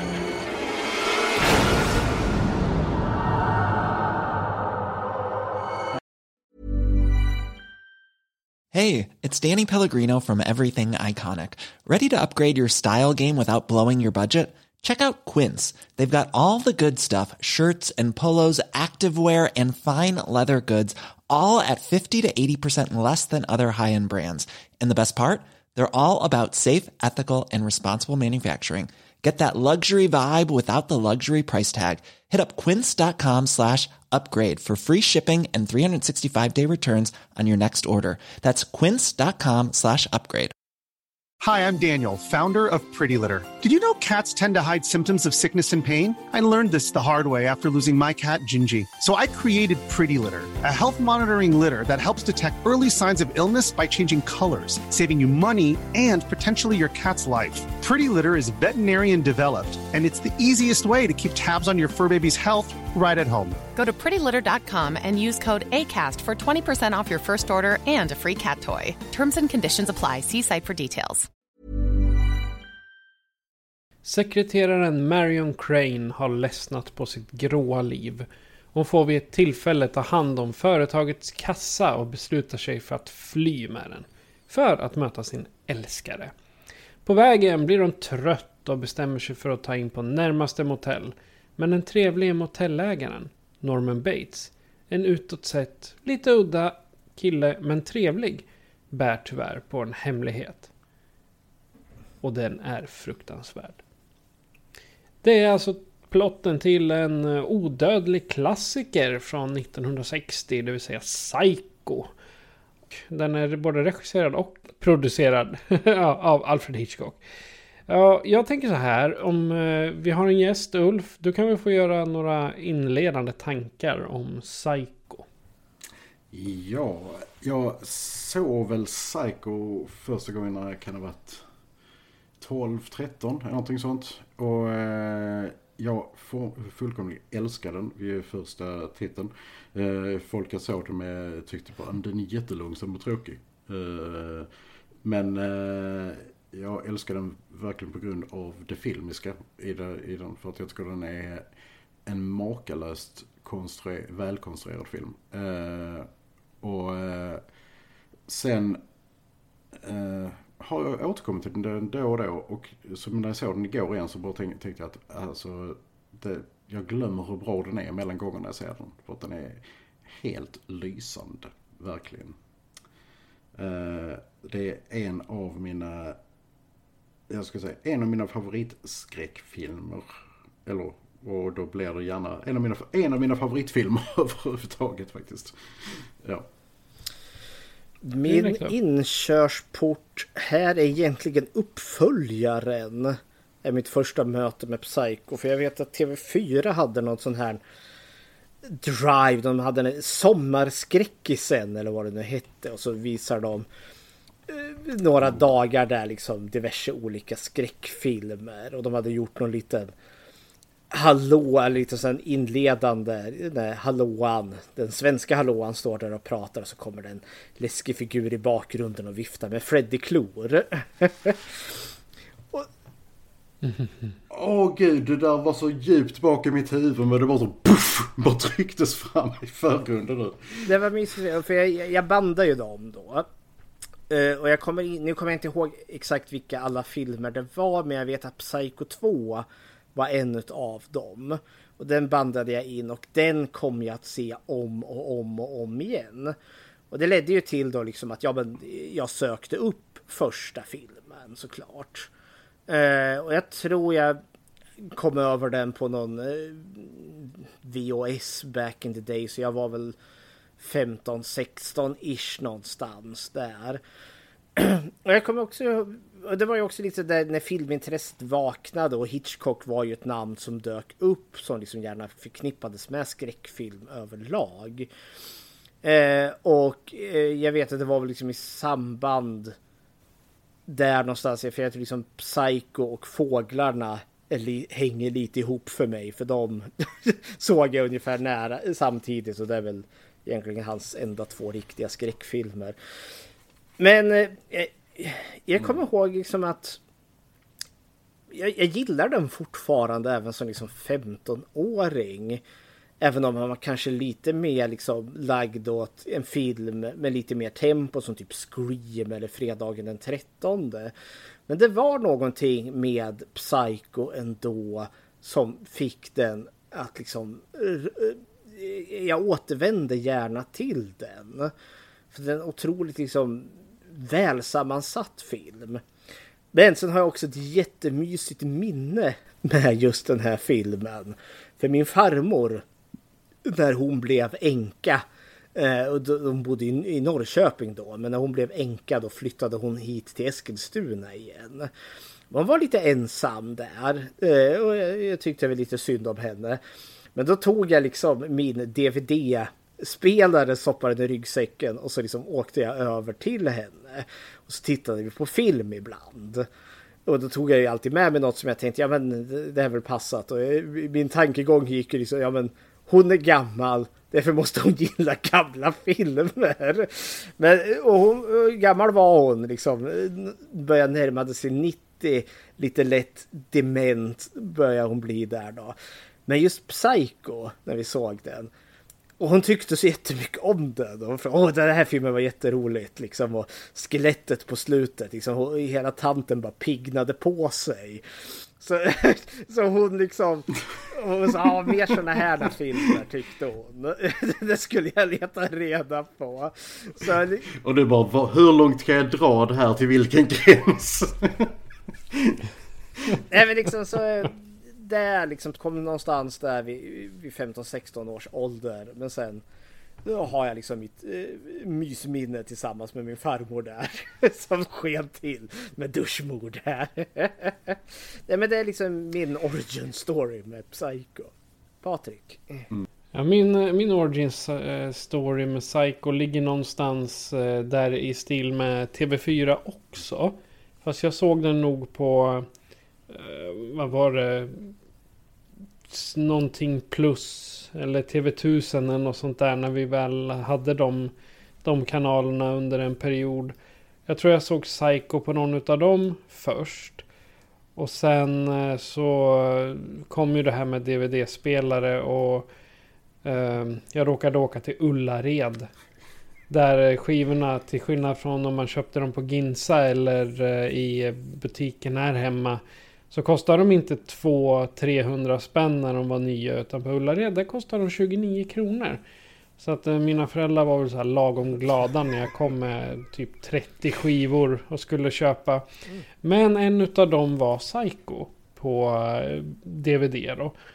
Och det var, jag hade lite samma som dig. Att liksom, ja, jag såg den en gång. Jag tyckte den var väldigt långsam. Bara, nej, men, nej, men den, nej, sak samma. Den får vara i samlingen. Och sen så gick det några år och jag minns då, det här kanske var framåt 2005, 2006 någon gång. För då var jag väldigt sjuk. Jag, hade, jag har epilepsi så då var det var och varannan dag. Då låg man bara hemma eftersom anfallen tar ju, tar ju ut den i kroppen ganska ordentligt. Det blir ett krampanfall ungefär som att springa ett maratonlopp i belastning. Och då vart man ju liggande ganska mycket. Och då tog jag upp det här med filmintresset och då hade man en orsak till att köpa in skivor. Men då återvände jag till Psycho, både ettan och tvåan och eh, fastnade för dem. Det är inte min favoritfilm, men eh, den har ändå haft liksom en, en påverkan på min smak vad gäller skräckfilm överhuvudtaget. För man behör, det behöver ju inte bara vara en mördare som hoppar fram och hugger huvudet av dig eller en... Vad ska man säga? En, ett spöke som inte syns som du filmar. Jag gillar de här långsamma också. Det kan vara så mycket värre än så. det kan det vara, precis. Och Psycho var ju... Den, den var, jag var ju så anti svartvitt och det var kort, konstig dialog. För det låter ju alltid som att de pratar lite snabbare på de här. Mm. Så... Men i alla fall så tog jag mig igenom den en gång. Och sen vart det två gånger. Och sen vart det säkert tio gånger. För eh, så ofta vart jag liggande. Men vi har mycket att prata om när det gäller den här. Jag vet, vi, vi satt redan innan vi började spela in så var man nästan på väg in och avhandla den utan att spela in det. Uh, vi har ju en del eh, karaktärer. Uh, fast jag tycker i min, i min mening så är det fyra stycken. Eller är det fem som är de mest centrala åsikter? Ja, Bates, Marion, Marions syster och poj, pojkvän. Alltså, och mamma. Ja, kanske Aborgast också, detektiven. Ja. Men ja, ja. det är så, egentligen de mest centrala är ju egentligen bara två. Marion Crane och ja. Bates. och, och, och mamman, mamma. ja hon, hon, hon, hon finns med. alltså det är liksom så, hon lyckas vara en karaktär utan att vara levande. Vilket är intressant. Men vi har ju pratat om eh, Mr. Nu höll jag på att säga Mr. Bates. Men eh, Anthony Perkins. Hans eh, visualisering av Norman Bates här då. Är det någon av er som har läst Nej. boken förresten? Nej, jag blev, jag blev sugen igår när jag, när jag återigen blev påmind om att det faktiskt är en bok. Ja. Eh, sen så efter Fredriks eh, inlägg där så är jag inte så jättesugen. Och jag har inte heller läst det med det. Jag har sett någon sån där, ett YouTube-klipp där man har jämfört boken med filmen. Och då, eh, nu var ju den lite mer humoristisk, men ja, det, det finns ju tre böcker. med, med Norman Bates. Och det finns tre böcker med hans kniveskapader. Jag för mig att i bok nummer två springer han utklädd som nunna. det, det är liksom, we need to up it. Och där gott folk har vi inspirationen till den andra. Ja. Okej, okay. men eh, Norman Bates då, hur tycker ni han... Eh, hur tycker ni Anthony Perkins eh, visualiserar honom i... Ja, det blir ju Alfred Hitchcocks eh, tolkning då. Eh, fantastiskt bra och jag tycker han är, alltså Perkins, eh, han tar ju med det här, alltså the leading, uh, leading the romantic lead eh, uh, skådespelet i den här filmen också. Och han är ju fruktansvärt charmig och han är uh, väldigt, väldigt vacker att titta på. Uh, och, men sen så är det den här switchen när han går från att vara den här charmanta, lite bortkomna killen till man märker att det är någonting som inte riktigt står rätt till. Eh, och den switchen är så skickligt gjord. Alltså just att den kommer lite pö om pö och sen är det som att vrida på en liksom, knapp. Jag, jag, jag håller i mångt och mycket med där för liksom att ja, men, han, den resa man får göra med honom är liksom när, han, när vi först får träffa honom eh, på hotellet där då, som ja men charmig men lite så socialt klumpig kille men liksom mm. enormt jävla harmlös. Till att inse att nej gode gud han är inte harmlös alls. Men det är också liksom den här det är något väldigt sympatiskt över honom genom hela filmen. För han är verkligen inte det här the depraved lunatic liksom. För han känns så otroligt liksom trasig egentligen. Mm. Eh, och liksom kan han inte få bara vara i fred egentligen? för liksom det... det... Var tyst mamma, tyst! och det är också där liksom jag tänker lite med hela den här filmen att för vi får ju en liten tidslinje där från och med att hans mamma har dött till, mm. för hon dog för tio år sedan. Eh, så vi vet liksom att, ja men det, det har gått ungefär tio år så den här liksom när Marion Crane kommer dit. Allt utspelar ju sig över en helg från en lördag till, nej, från en fredag till söndag. Så där på slutet blir det ju väldigt intensivt tänker jag. Han är van vid att det inte händer särskilt mycket på motellet till att det blir plötsligt väldigt mycket mm. liv och rörelse. Först Marion, och sen kommer detektiven Och sen kommer Marions syster och eh, Marions eh, pojkvän där. Så jag tänkte, för det var något jag tänkte på när jag såg den här filmen just att där vi får se honom i absolut början när, vi, när Marion kommer dit. Mm. Det är nog liksom den Norman Bates som är den vanliga men som är van vid lunket och sen spiller över. Men sen vart efter det går så här, han blir ju mer stressad och pressad. Eh, mm. Och i slutändan är han ju liksom enormt liksom, han är inte charmig alls närmare slutet för att han är så otroligt överspänd. Men jag gillar också det att han är inte en bra lugnare heller. Så när Abergast börjar liksom ställa frågor till honom och han liksom ljuger. Nej, nej, nej. Och liksom, han bara målar in sig i ett hörn och det, det går inte bra. Och man känner liksom bara, ah, nu, oh. Ja.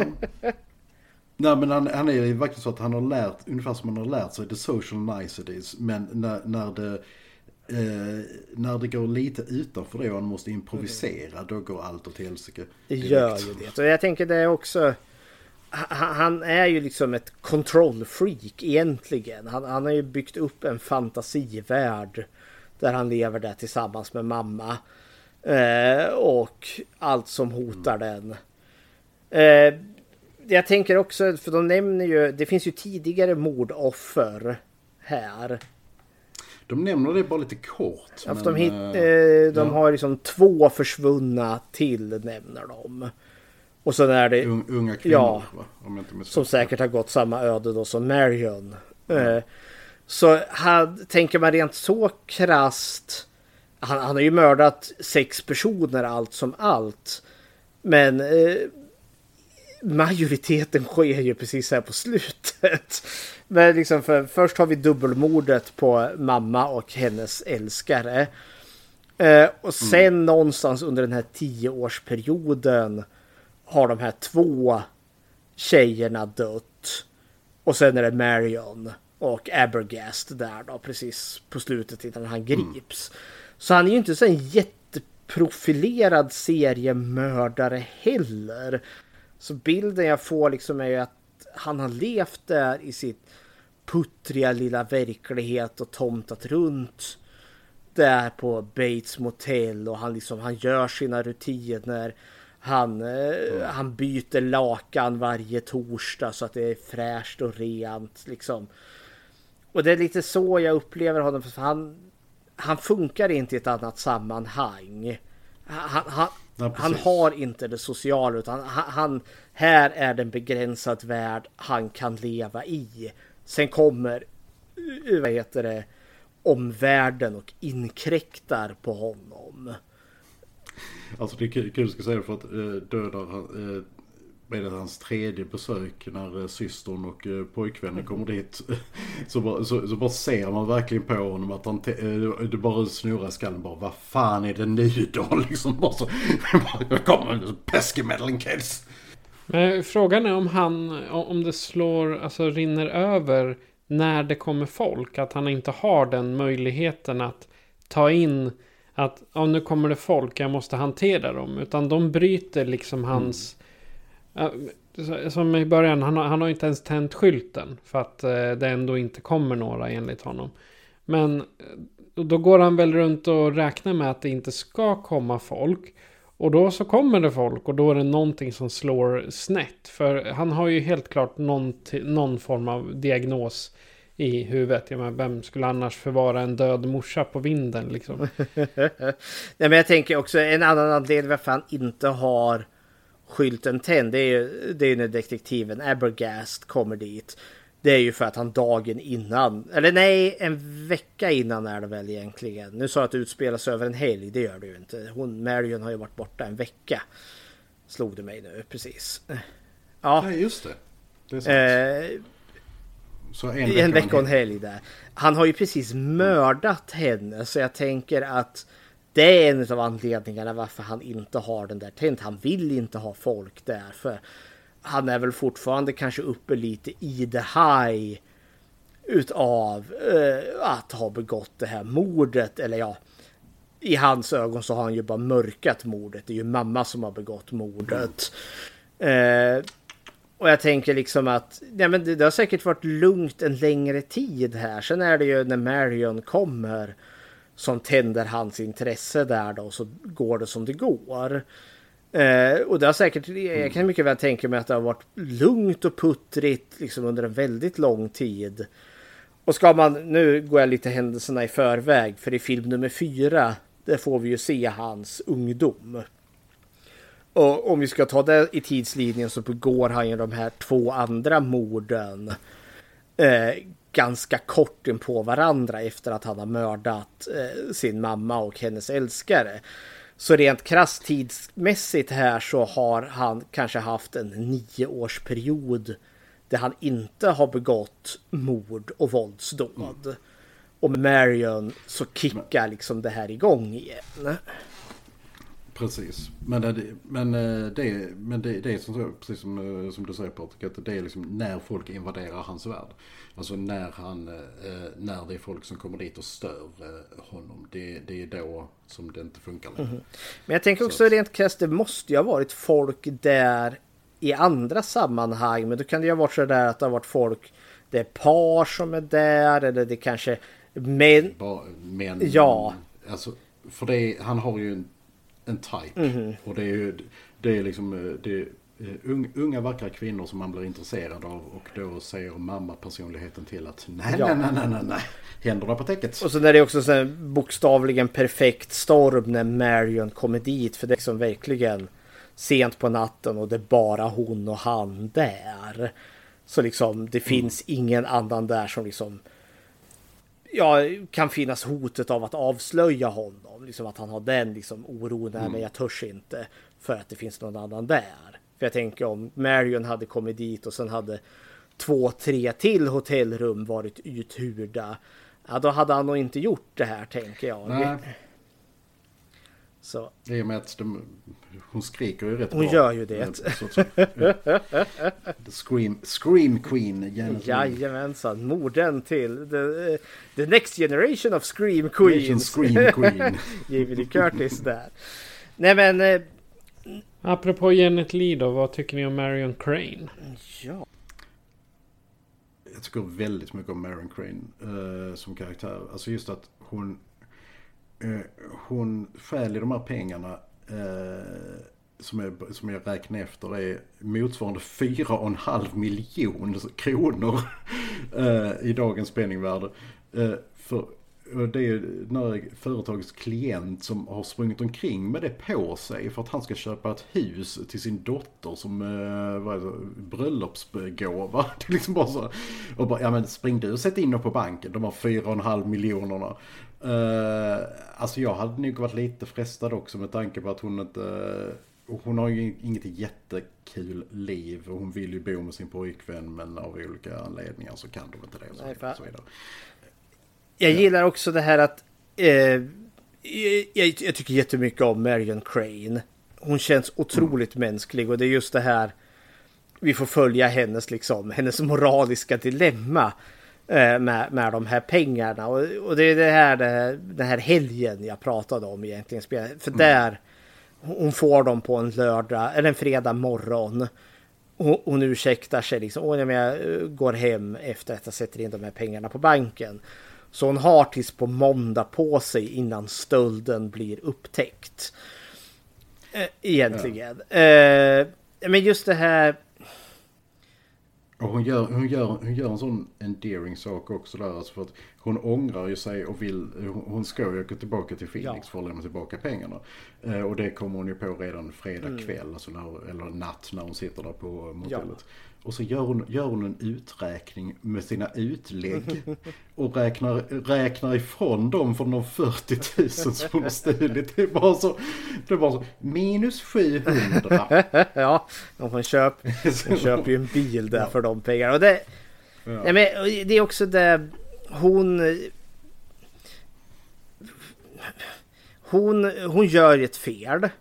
Men det är också sånt här fel som är väldigt kittlande för det känns liksom så här att hon är inte moraliskt förkastlig människa. För jag kan så lätt sätta in mig själv i hennes situation. Jag också skulle sitta med de där pengarna och liksom bara oh, Ja, jo, jo, jo men det här hade jag nog kunnat pipit iväg med ändå.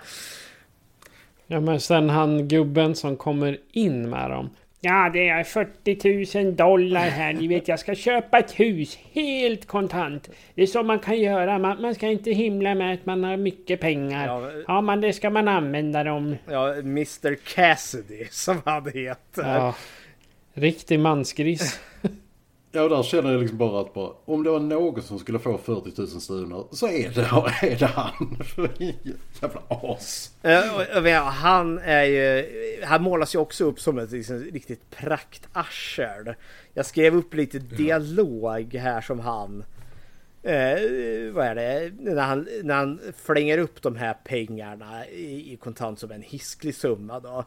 Då säger han ju också I don't carry more than I can afford to lose. Liksom, det är verkligen så här brag eh, med hur jävla rik ja. han är. Och sen hon sekreteraren, den andra sekreteraren Caroline som faktiskt är Alfred Hitchcocks dotter. kunde jag läsa mig till. Ja. Patricia Hitchcock. Hon säger liksom, de ser pengarna där. I do declare. Och då säger, och då säger han I don't. That's how I ja, That's how I get to keep it. Så liksom, han skattefifflar ju bevisligen. Och är väldigt öppen med det också. det... Men är han inte inne på en bank eller vad, vad? Jag har inte riktigt fattat vad det är för någonting. Ja, det är väl en fastighetsbyrå tror jag. Ja, det är någonting för att de ska gå, för hon ska gå och sätta in pengarna på banken.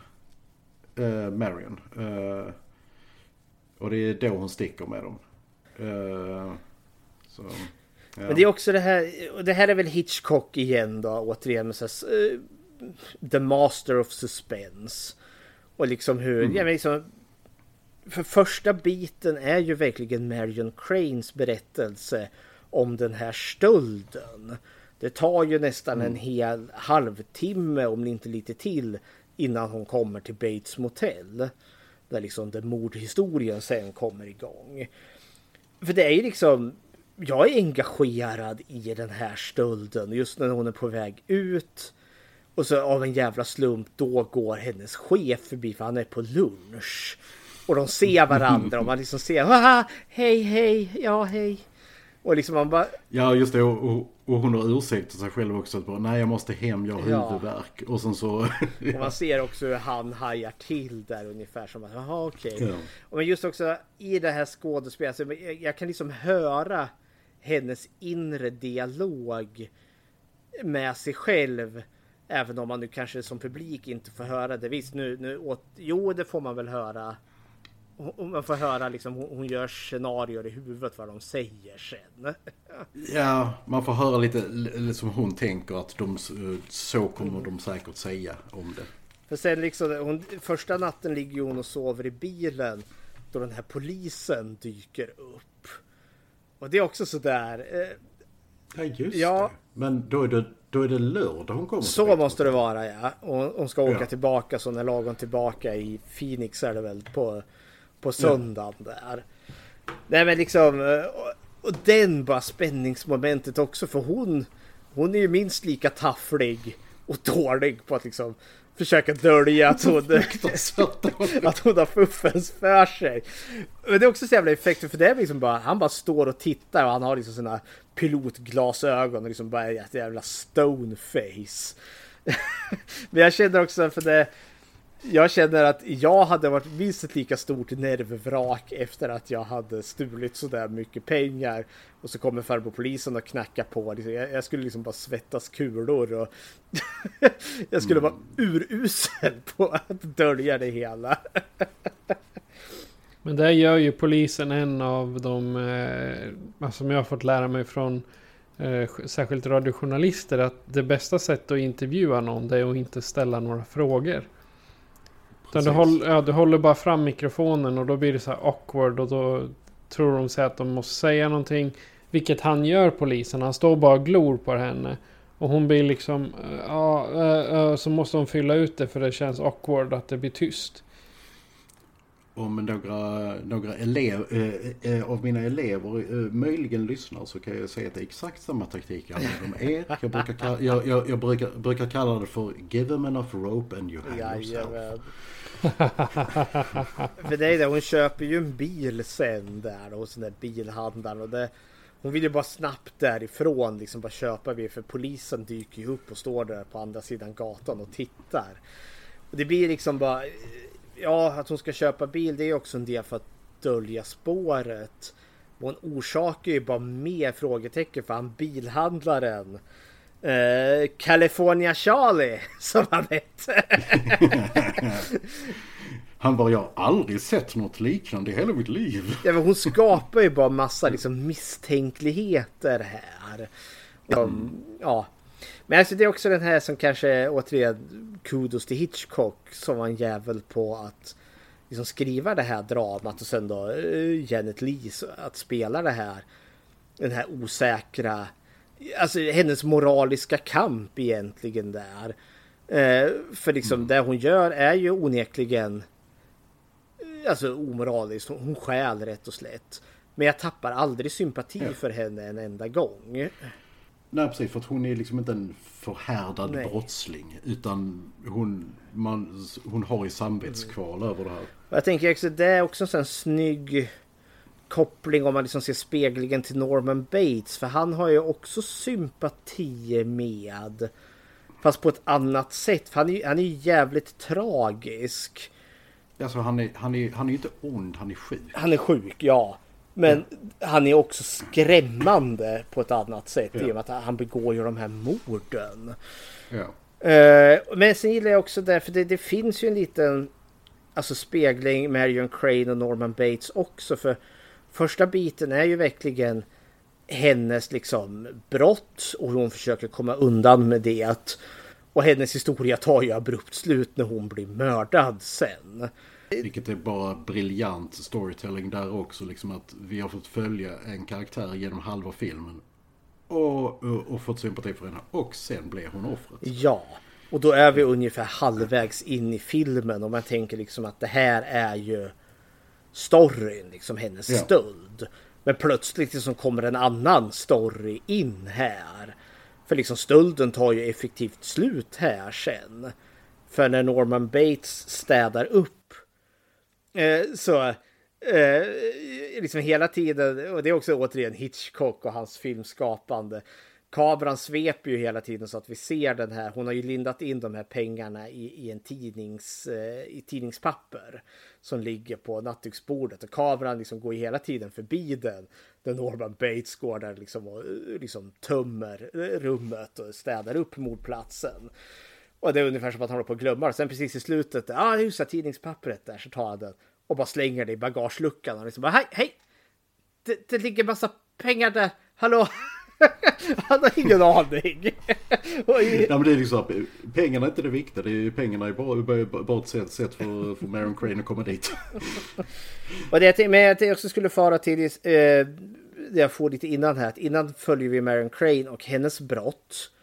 Sen följer vi Norman Bates och hans brott. I och med att vi spenderar en avsevärd tid när han städar brottsplatsen. Rätt och slätt. Jag vet inte varför liksom, men det är ju inte direkt som att liksom, oh, nu händer det jättemycket, utan men bara där liksom att han går där och ganska metodiskt liksom, han plockar, han, han, han städar, han moppar golvet, han plockar hennes grejer, han, han slänger golvmoppen och allt liksom, man ser, han tömmer brottsplatsen. Men det skapar också lite reasonable doubt. Alltså just alltså för att eh, om jag tänker, jag tänker mig tillbaka för, alltså även när jag såg Psycho för första gången så visste jag ju plotten. Mm. Alltså för att det har man inte kunnat undvika. Eh, men alltså jag tänker för publiken som såg den första gången då 1960. Eh, och inte visste om dualiteten, mm. alltså Norman, Norman och mamma. Det, eh, den scenen den skapar ju en väldig alltså, väldigt tvivel om eh, att okej, okay, har mamma gjort det här förr? Han verkar ganska, ändå ganska mm. chill, mm. måste upp en brottsplats och så vidare och så vidare. Och han skäller på mamma bara, what have you done? Och så vidare. Blood, mother, ja. blood! Ja men också det, för det, det blir så uppenbart att det här är inte första gången han städar upp det här även om han liksom är besvärad. Han, han har gjort det här förut. Och jag gillar också just den här eh, Lika som med Marion Crane tillsammans med polisen där. Hon har liksom flera gånger nu saker och ting håller på att gå åt helvete. Vi får något liknande med Norman också när han sänker bilen i träsket. Vi ser bil, bilen sjunker där och han står där liksom, och sen bara slutar den sjunka. Och man ser liksom bara Norman säger nej, nej, va, va, nej, vänta, vad händer nu? Liksom det här, bilen står kvar, det går ju åt helvete om den inte sjunker. Men så sjunker den. så liksom, ja. Eh, tillbaka till Marion. Det som jag gillar också med henne, alltså första gången vi får se henne, hon har ju haft, de har ju varit på ett hotell och haft sex. Hon och hennes ma eller pojkvän, eh, Sam mm. Loomis där. Eh, Sam Loomis, var så bra också. Som senare går och blir eh, psykologiprofessor i Haddonfield sen antar jag. Min Sam. Ja, för Dr. Loomis, Sam Loomis där. Ja. Nej, men jag, jag, vet inte, alltså första gången vi får se henne så är ju hon hon har bara bh, hon har, hon har klänningen men hon har, hon har en bh på sig, hon har inget, liksom, ingen tröja på sig heller. Och vilken bh sen. Alltså den här liksom 60-tals nästan bullet brawn bara... Fantastisk kreation. Yeah baby. jag visste, det, det är väl väldigt tamt för oss liksom 2023. Men jag tänker liksom att här 1960 så är det ändå som något form av statement ändå. Hon har haft sex där. Och vi förstår också att det inte är ett gift par för han klagar på sin exfru där. Ja. Ja just det för att han, han är ju, han är ju skuld ja. till exfrun. Han är både, både, både skuld och måste betala underhåll. Och det, det, det är ju en anledning till, till, för att, mm. till att hon stjäl pengarna. Uh, inte den enda men en. Ja, nej, för de vill börja sin relation men de är liksom, den haltar på grund ja. av ja, hans tidigare relation där. Uh, Mm. Men och de ligger där och pussar på varandra. Jag vet inte, jag tycker det är väldigt mysigt på något vis och vänster. Sen är det också en kul grej som att eh, vad heter det? MPAA, Hayes-koden, alltså censurväsendet. Ja. Jag, jag, jag funderade på om det skulle komma nu. Så, ja. han, eh, han, han hatar ju dem. Alltså Alfred Hitchcock hatar ju dem med passion. Ja. För att de, är såna jävla eh, buzzkills. Och de var ju alltid där och liksom mm. peta och proba och allt vad fan det nu är. Men det fanns ju en sån här regel att man fick ju, en filmkyss fick inte vara längre än tre sekunder. För då, då, då mm. propsar de ju på att ja, men det måste klippas ner. Så jag, jag tycker alltid det är så kul för de ligger ju där i sängen så pratar de och så pussar de liksom en kort liksom sekund där och det är verkligen så här en, två, tre, okej. Okay. och, och de gör det där liksom om och om och om igen och det är så medvetet att Hitchcock har lagt in det bara för att jävlas med de här MPBA-människorna som ska sitta där. Men så han hackar ju reglerna på sätt och vis. Men eh, vad ska jag säga, men ni vet det, det enda som de eh, hade jätteproblem att få igenom i den här filmen, det är någonting man inte tänker på toalettstolen. Du fick inte lov att visa en toalettstol i bild. Varför inte? Ja just det, vi har pratat om det här, men det var väldigt Because länge sedan. Poop. poop. De hade ju en jävla sedlig, det var ju sedlighetspolis här ja. egentligen. Så, så Haiko är ju alltså, unik på flera sätt, men just den att den är den första amerikanska eh, film att visa en spolande toalett. Kanske inte den man förknippar liksom direkt med. det är liksom bara mord i duschen bara nej nej keep it. Toalettstol. Oh no no no no no no no. Men det är också sådär som är kul att komma ihåg liksom då på att visa liksom hur alltså, banbrytande den här filmen ändå så var.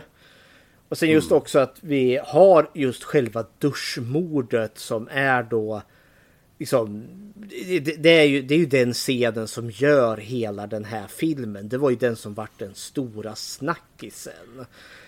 Alltså jag skulle säga att om, man, om, om du skulle gissa att de tio mest välkända scenerna i filmhistorien så skulle den kommit någonstans där. Ja. Alltså, Ja men Ja. den är ikonisk och just jag tror, jag tror liksom att den liksom som välte biograferna helt enkelt. För man hade inte sett något Mm. dylikt innan. Och det är ju så otroligt liksom mycket. Alltså det, det är väl liksom nästan ett 40-50 klipp i en sekvens som Mm. inte är längre än typ någon minut bara. Och det är också just det där att hon är naken. Eh, Man får inte visa något naket liksom över men det är så på gränsen hela tiden. Och man får heller inte visa grafiskt våld. Och där har du båda två. Men det är också där liksom hon blir knivhuggen där en 6-7 gånger. Du får aldrig se ett enda knivhugg bokstavligen träffa henne. Men i och med att Nej. det är klippt på det sätt och ljudet de använder, musiken de använder. Alltså i mitt sinne ser jag ju varenda hugg träffa henne. Ja, ja, alltså stråkarna är ju knivhuggen. Alltså... Det är alltså det finns ju en... Och vad, vad heter han? Är det, är det Bernstein som gjorde musiken? Det, det, jag har dålig koll, ska jag villigt erkänna. Ja. Uh, men, den är ju så fruktansvärt genomtänkt också. Och på, tal, och på tal om det, för nu skickade ljudklipp till Patrik här. Och liksom, man kan inte prata om Psycho och inte liksom höra duschmordet. Är ju så ikoniskt. Take it away.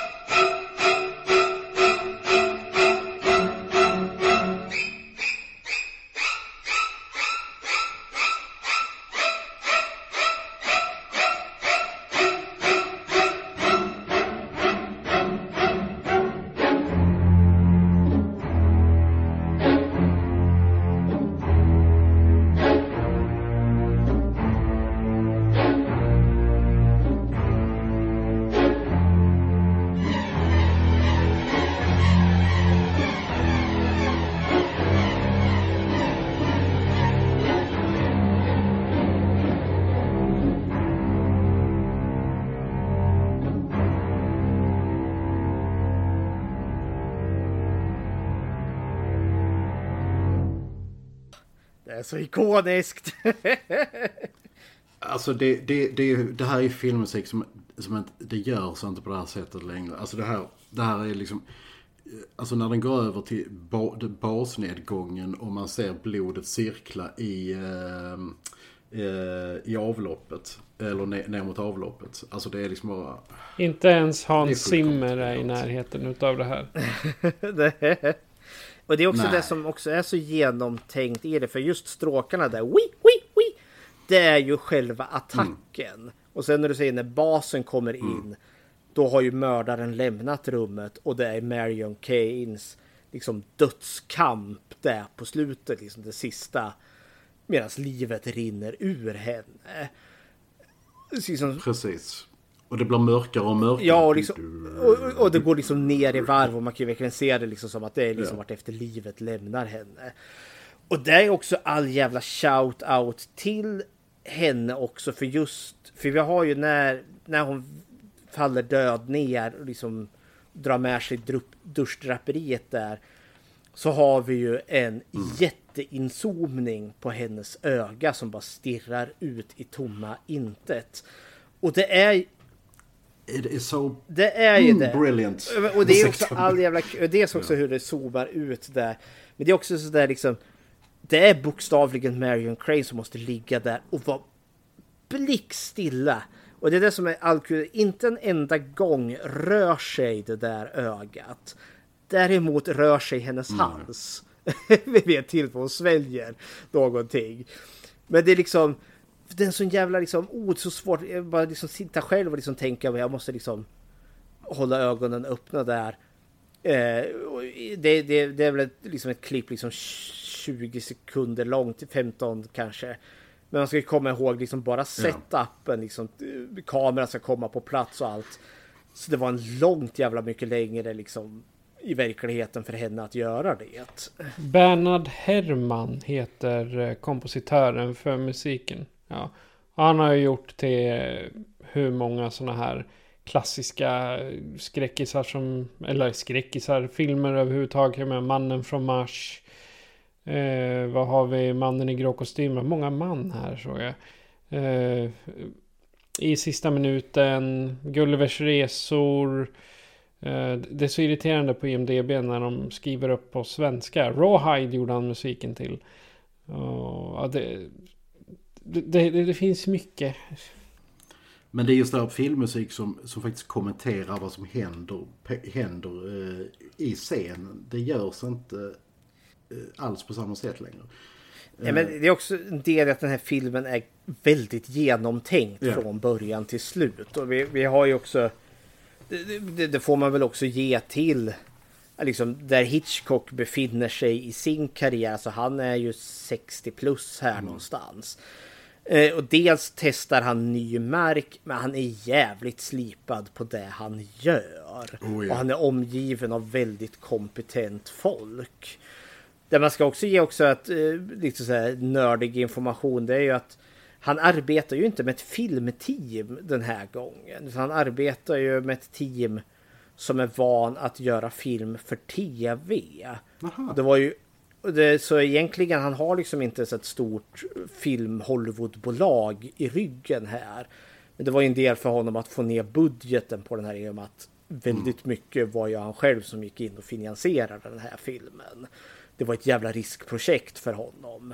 Hade det här inte gått hade inte det här gått vägen hade det liksom hade vi kanske pratat annorlunda om Hitchcock om hadden som vart, gick i ekonomisk ruin där 1960. Eh, på, tal om, eh, eh, eh, på tal om musik, jag måste ta upp det nu för annars kommer jag glömma det. Eh, den här, den här filmen fick en, en remake i ordets, eh, i ordets rätta bemärkelse. För att det här var verkligen en remake scen för scen. 1998 tror jag det var med Gus Van Sant som gjorde den tror jag. Jajamän. och det enda den filmen gör bättre än originalet. Det är slutmusiken. Oh. För den, den använder, eh, eh, det finns, det finns en countryartist som heter Jack Kettle. Oh. Som, eh, som skrev en låt som eh, hette Psycho. Oh, ja. Och eh, vi brukar spela den, spela den i bandet och det, det är typ en hälften parodi, hälften seriös to, eh, version av alla mörka countryhistorier. Och som han, handlar om en, uh, handlar om en, uh, uh, om en ung man som har en dialog med sin mamma. Och, och då hur han i första versen mördar sitt ex och hennes pojkvän. I andra versen så har han ihjäl sin brors hundvalp. I tredje versen har han ihjäl uh, The Little Girl Next Door. Uh, och i uh, sist, sista refrängen så inser man att han har pratat med sin döda mamma hela tiden. Men ska vi lyssna på en kort bit av den då? Ja. You think I'm psycho don't you mama? Mama poured me a cup. Think I'm psycho, don't you, Mama? You'd better let him lock me up. Don't hand me Johnny's pup, Mama. Ja, jag måste säga att det är lite klass på den där låten alltså. Den är... Mm. Jag tänker rent karaktärsmässigt här, alltså det, de två stora att prata om det är ju Marion Crane och Norman Bates. Mm. För egentligen, de som kommer efter här eh, är ju då, det är ju Sam Loomis, eh, Lila Crane spelad av Vera Miles, eh, Abergast liksom, de kommer ju verkligen in halvvägs in och vi får aldrig riktigt lära känna de här. Lite mer, li, kanske lite mer eh, eh Sam Loomis, men inte mycket. Mm. Nej, för de får ju också liksom kanske omaket egentligen att bara existera. Alltså i var är Marion Crane? Mm. Eh, och liksom. Ja, nej men. Eh, det, det, det, är också liksom en liksom lustighet med den här filmen liksom. Vi tappar våran huvudrollsinnehaverska halvvägs genom filmen. Vilket liksom, vem, vem ska vi följa nu? Den vi har följt mest utöver henne är ju Norman Bates. Och han blir ju huvudkaraktären. alltså. Ja. Nej men de andra karaktärerna är ju liksom mindre... Mm. De är mindre värda. Ja, det men det är också det som är lustigt. Um, Abergast, detektiven. Mm.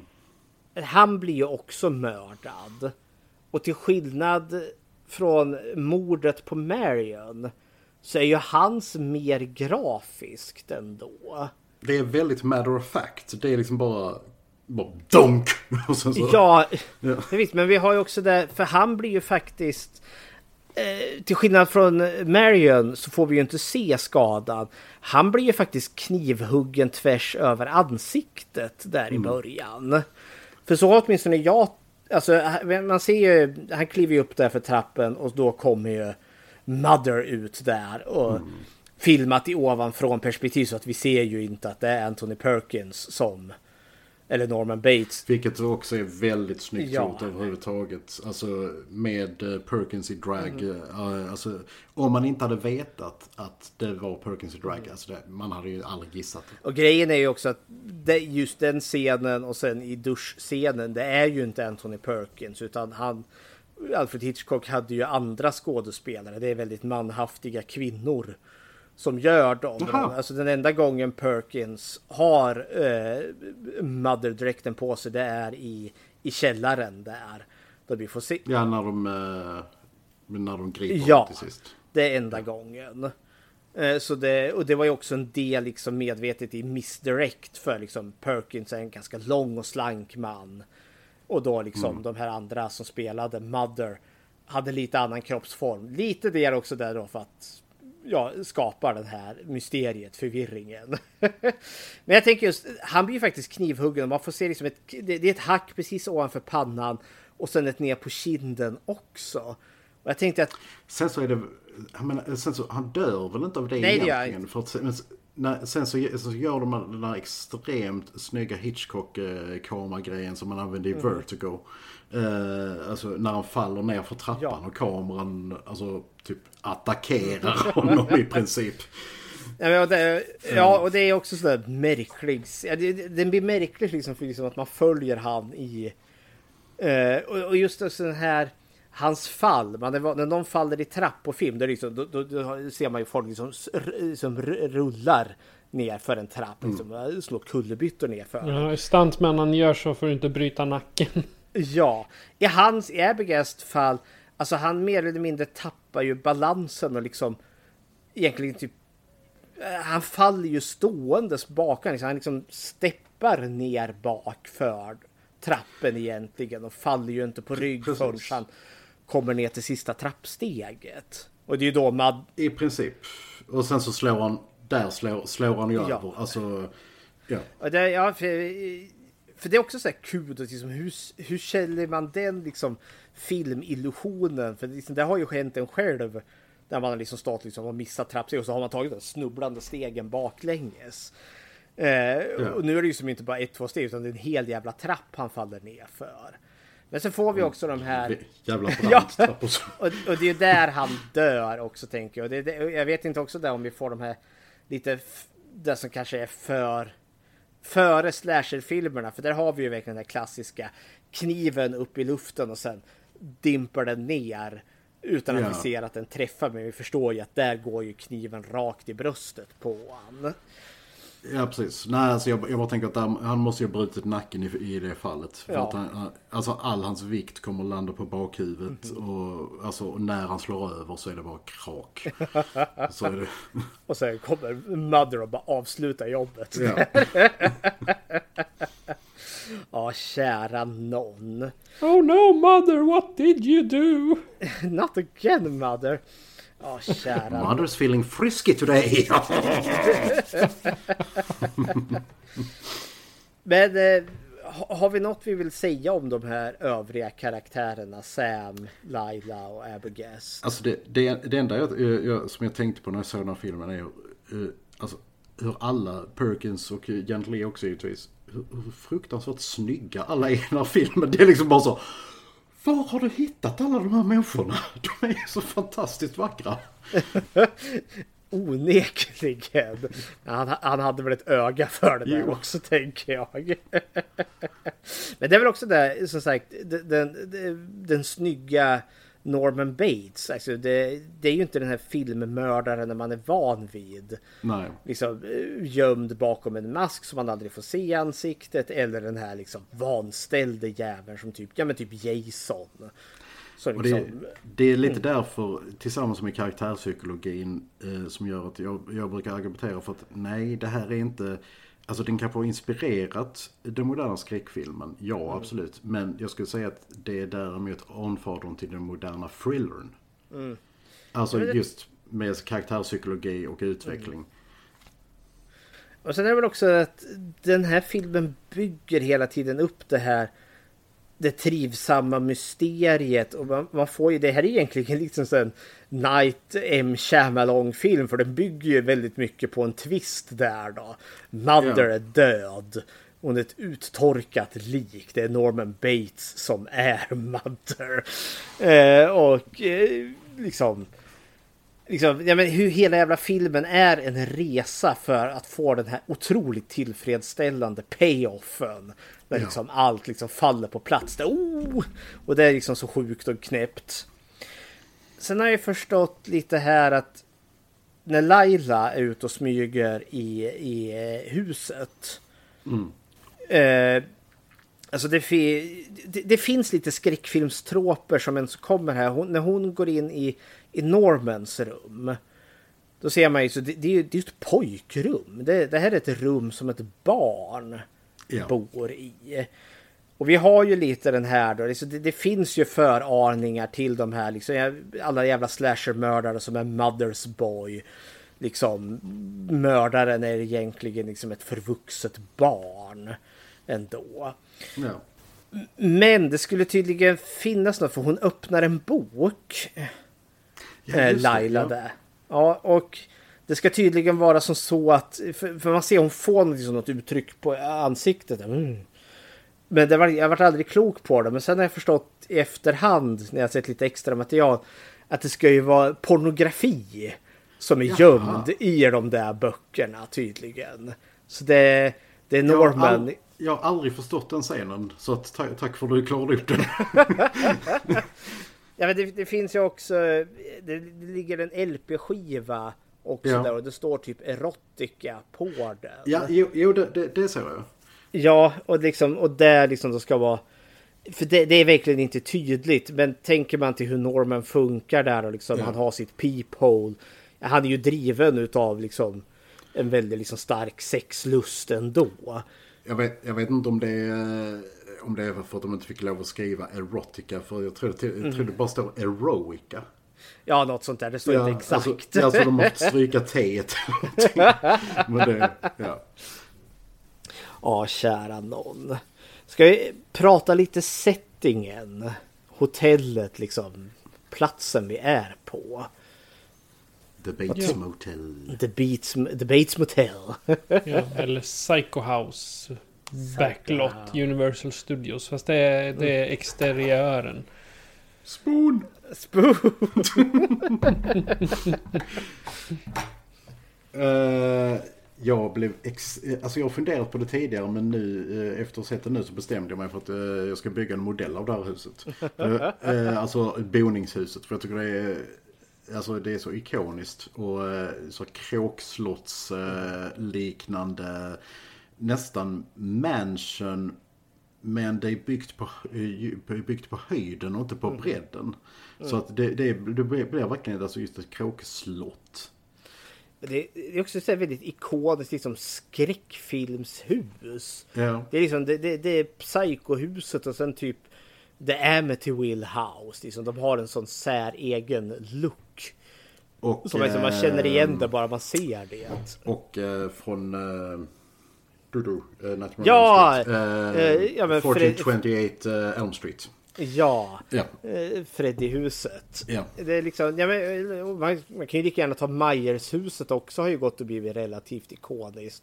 Men Ja. till skillnad där så har ju Myers-huset bytt form i flera Ja. filmer. Det har aldrig varit statiskt. Medan Psycho-huset, eh, Elm Street-huset och eh, alla Amityville-huset har alltid liksom varit detsamma. Åh. Patrik, Patrik hittade just ett, eh, var det, kit? Ja, det är ett, det, Ja. alltså du bygger ihop det själv. Ja, det, det där eh, kommer nog hamna i en kundvagn relativt snart. Ja, För för tu, tusen spänn.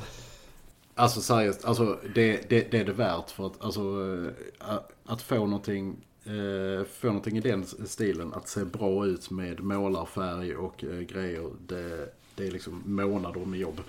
Eh, så att eh, man får igen pengarna. Jag känner att det här är lite av en förlöpare till Motorsågsmassakern. En Hear Me Out. Och det är just för att vi börjar ju i, i, i den här stadsmiljön. Vi, är, vi, vi går ju visserligen från ett hotell till ett annat. Marion Crane och Loomis har lite kuckelimurr på ett hotell och sen hamnar de på... sen, kom, sen kommer de till Bates Motel och blir penetrerad på ett sätt som hon inte hade tänkt sig. Men eh, det är ju så, för- vi går från det här liksom stadsmiljön. Det är ganska modernt ändå. Vi har han, eh, Mrs Cassidy med alla pengarna. Det, liksom, det finns det som är den tidens liksom modern, moderniteter. Och så Mm. kommer vi till Bates Motel som verkligen är utkanten. Eh, de har dragit om motorvägen så det är inte så många som kommer hit. Men, sen så, Eh. men, men där tänker jag på, är det verkligen så att det inte är många som kommer dit? Eller är det som Norman säger? Alltså just ja, det. det förstås. Ja, har han igång den där skylten exempelvis? Mm. Förvis. Uh, ja, det är en bra fråga. men, eh, ja, men det, det finns lite den här liksom att ja, men vi kommer ju till eh, de- de- den farliga vildmarken på något vis och vänster. Liksom här. Fast den är lite för välpolerad. För i, i andra mer skräckfilmer då kanske alla Motorsågsmassakern så är ju det här huset man kommer till är ju liksom ett skräckkabinett utan dess like. Mm. Här är det ju väldigt välpolerat och framförallt alltså psykohuset i sig med alla sina pryttlar och prylar i sig. Man liksom, eh, nu, är den ju svartvit men jag liksom i, min, i mitt sinne så ser jag så det är ju så här mörkpolerat trä och det är liksom statyer dit och det är liksom gardiner och eh, fullt med liksom mönster. Alltså, mam, mamma hade pengar. Mamma säga. hade pengar. Eller så är det arvet han har ju använt för att liksom piffa upp allting. Ja, jo, ja. Ja, men jag tänker arvet kommer väl också kanske från pappa som dog, tänker jag. Ja, det också. Eh, För, för vi får ju lite liksom inblick i hans bakgrundshistoria. Pappa dog och sen bodde han tillsammans med mamma. Och sen kom älskaren och då blev Norman svartsjuk och så förgiftar han dem båda. Alltså det här är ju Anthony Perkins liv förutom det sistnämnda. förutom, förutom giftmordet. Förutom giftmordet. Eh, vilket han kanske borde ha gjort om hans mamma förgrep sig på honom. Jag menar, fuck that hag i sådana fall. Det kanske är så han, eh, tog, han eh, slet sig fri ifrån henne. Nej men eh, en bild jag känner över liksom att när man ändå så väl är i psykohuset att det är någonting som är föråldrat. Alltså jag tänker det, det är Mm. omodernt även för sin egen tid. Jag tänker sent 1800-tal när jag ser det i huset, alltså interiören. Alltså typ Ja. så 1880-90 någonstans där. Alltså, Ja, men ja. det är 60-talets motsvarighet till just den här, ja, typ Leatherface-huset liksom att eh, här är det backwaters as fuck.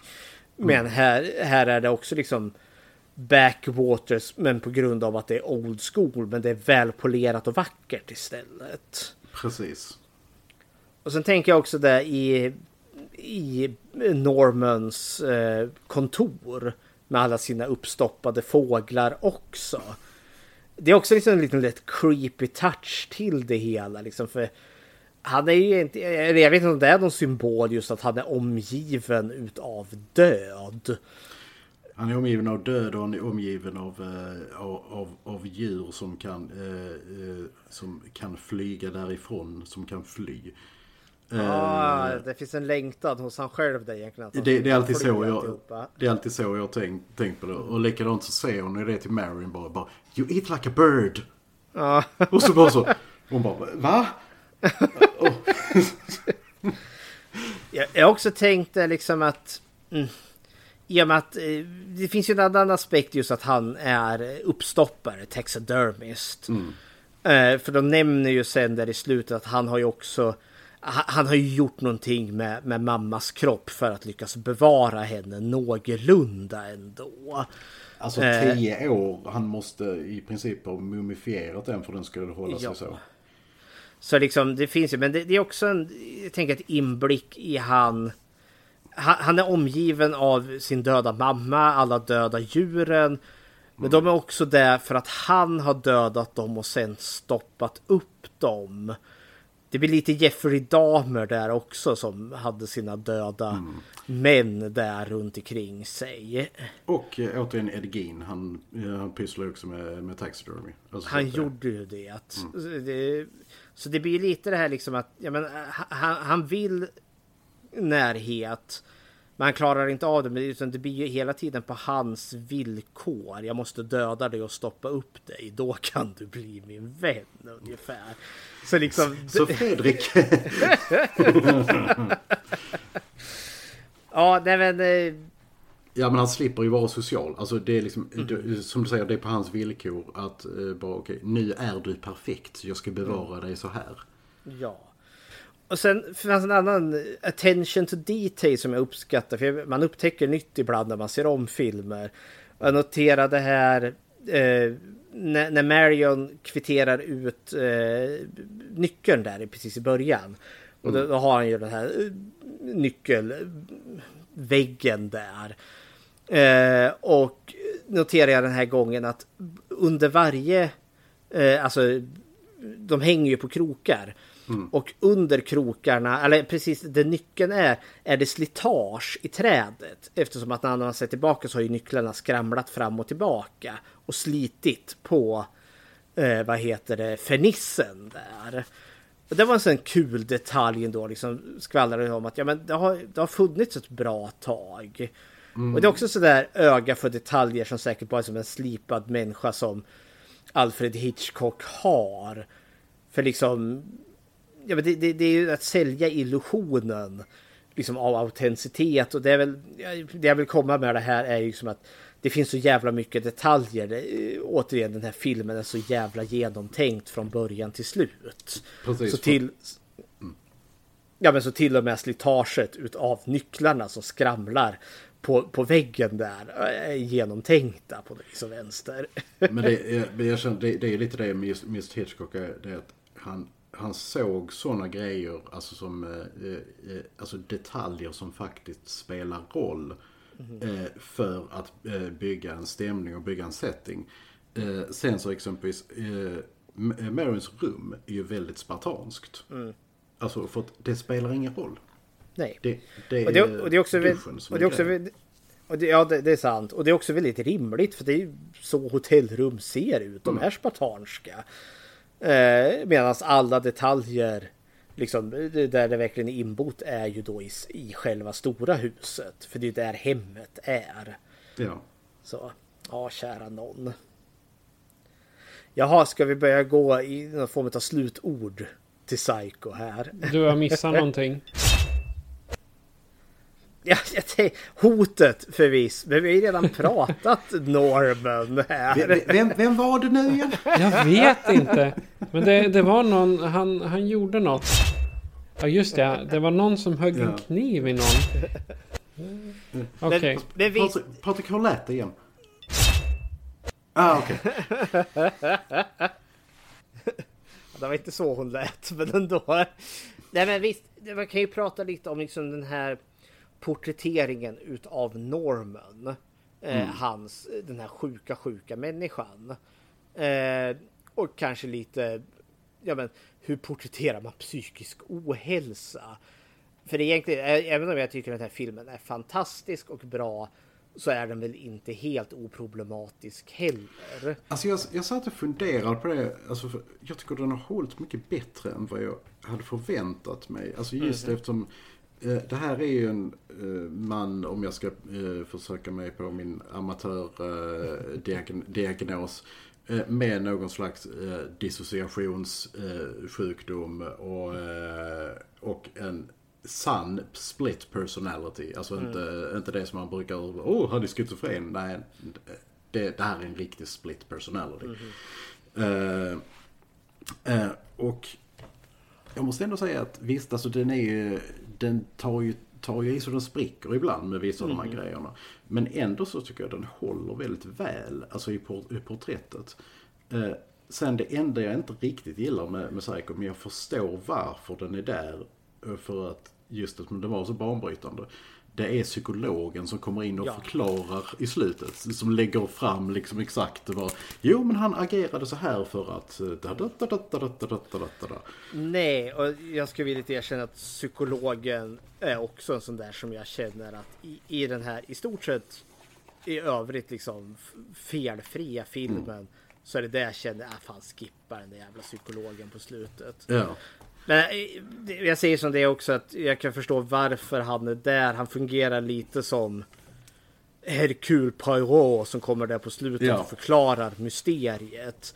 Så att även den mest trögtänkta av människor i publiken ska kunna förstå.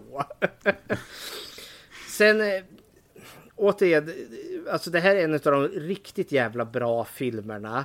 Eh, och eh, det, det finns en parallell till När lammen tystnar som jag också tycker är en seriöst jävla bra film.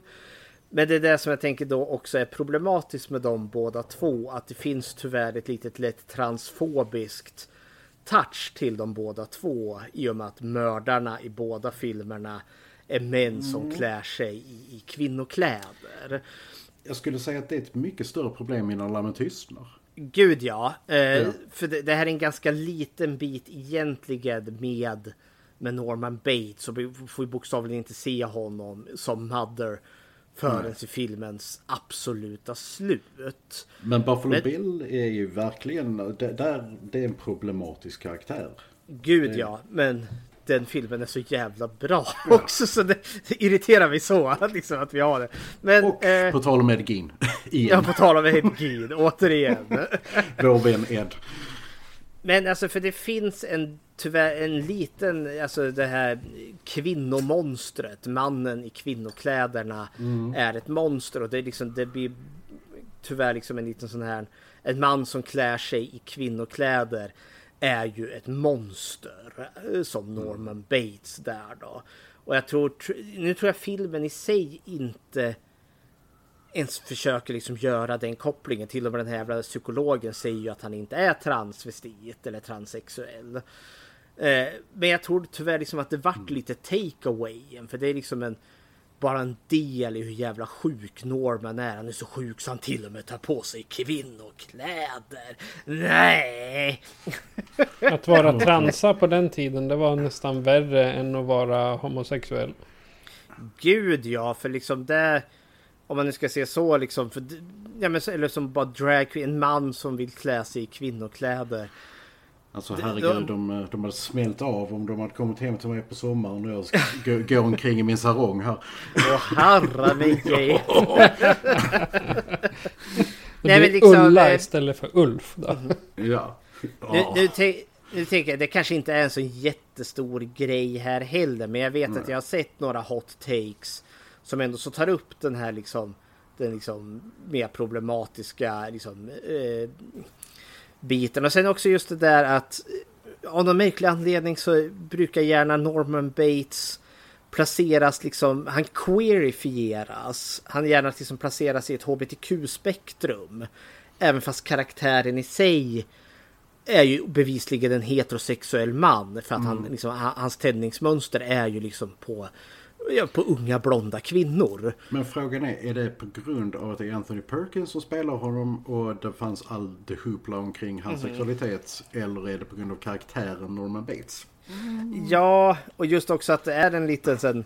För, för det fanns ju också den här liksom den här ganska tråkiga tropen under en väldigt lång tid att liksom homosexuella män skapas av att de hade frånvarande eh, eh, fäder Mm. och sen överdominerande mödrar. Och det är ju vad Norman Bates är. Hans pappa är borta och hans mamma var liksom ett kvävande väsen som bara styrde och domderade allt och det resulterade i att han drog på sig trosorna sen och vart knäpp. Och ty, ty, tyvärr, tyvärr även då liksom Perkins eh, upp, upplevelse. Det är liksom, han uppfyllde stereotypen på något sätt. Ja, tyvärr. Men samtidigt eh, känner jag liksom så här liksom 2023. Det går liksom att se bortom det här men jag kan tänka mig att det kanske var mer problematisk närmare sin egen samtid än vad den är nu. Men det är jag inte... skulle, ja, Nej, förlåt. jag, skulle, jag, jag skulle, skulle snarare säga att, liksom att i och med att den är så pass, eh, i och med att vi ändå är ganska förlåtande mot den idag, alltså Mm. med porträtteringen, så tror jag snarare att problemet var på andra hållet om någonting. Mm. Att, att de liksom bara, men han klär i kvinnokläder, varför gjorde vi inte en större grej av detta? Ja. Alltså, alltså att det snarare hade legat åt andra hållet. Mhm. Det är sant. Och ska man ta en titt till uppföljarna sen, bara liksom ett snabbt sammelsurium. Det är väldigt sällan vi har honom där vi får se Anthony Perkins som Mother. Eh, Egentligen. För det är alltid Mother är alltid någon form av skuggfigur där. Ja, ja. Nåväl, eh, när du ändå pratar Fredrik, kan inte du ge oss... eh, Ja, vi, vi har pratat slutord ganska länge, men du kan väl ge oss ett eh, lite sammanfattande av ditt egentliga. Eh, men mitt, mitt slutord till Vad, Psycho tyck- här. vad tycker du egentligen om den här Jag filmen? tycker jag är en jävla skitfilm. Homofobisk trash. Eller för att Hitchcock var så hack. Nej, eh, men eh, om jag ska sammanfatta Psycho som jag tycker den så är det här. Det här är ett mästerverk. Eh, Det, det, det, det här är full pott. Fem av fem i betyg och den... Empire Strikes Back. Empire Strikes Back. Om vi ska gå efter filmfikat. Star Wars-skalan där. Det är väl liksom det här. Det här är perfektion på film på väldigt många olika plan.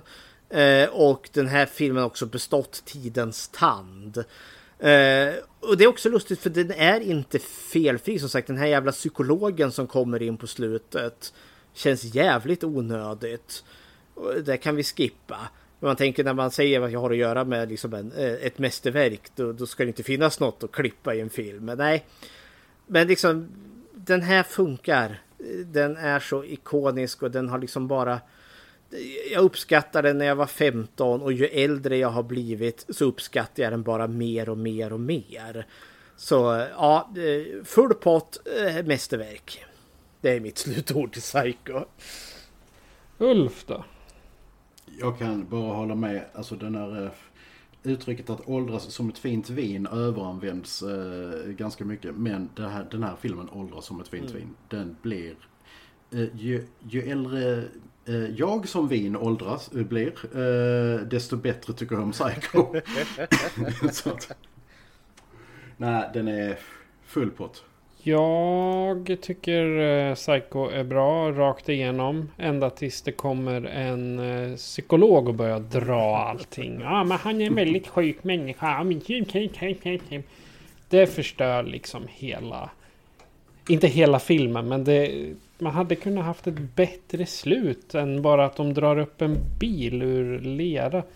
Kan man inte ha ett slut där typ Bates tittar ut mellan gallrarna i häktet eller något? Alltså då, Ja, du, du vet, de borde ha klippt det alltså, när, alltså med inzoomningen på Norman Bates. Alltså, Exakt. eh, ja. Och Mothers uh, skelettansikte dyker ju upp där. Så ja. Ja, ja. Exakt. Det, det är typ vad jag, vad jag hade tyckt skulle kunna passa lite bättre. Men vem är jag och bestämma? Nåväl, har du gjort något Bechteltest på den här filmen? Det har ju jag. Eh, eh, Bechteltestet är ju det här om kvinnlig representation på film.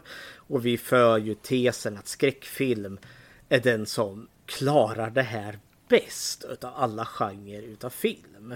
Så därför ska vi ju testa det på ett efter filmerna vi ser. Frågorna är ju tre. Nummer ett. Finns det eh, två eller fler namngivna kvinnliga karaktärer? Ja, det gör det. Vi har Marion Crane. Eh, sen har vi sekreteraren Caroline. Sen har vi eh, systern Lillian Crane. Och så har vi sheriffens fru, Mrs Chambers. Så fråga nummer ett klarar den. Eh, Fråga nu... Och Mrs Bates. Ja, och, och Mrs Bates också har vi ju visserligen. Eh, och sen eh, fråga nummer två. Möter de någonsin varandra? Ja, Marion eh, träffar ju Caroline. Eh, Lilian träffar Mrs. Cha- Mrs Chambers och ja, Mrs Bates. Då får vi väl ta om det nu räknas som det uttorkade liket. ja, men fråga nummer två klarar den. Eh, fråga nummer tre. Om de möter varandra, pratar då de om något annat än män? Eh, och det skulle jag väl hävda att de gör. För eh, när eh, Crane möter Caroline då pratar de bland annat om att hon har ont i huvudet och sen de här pengarna som de får.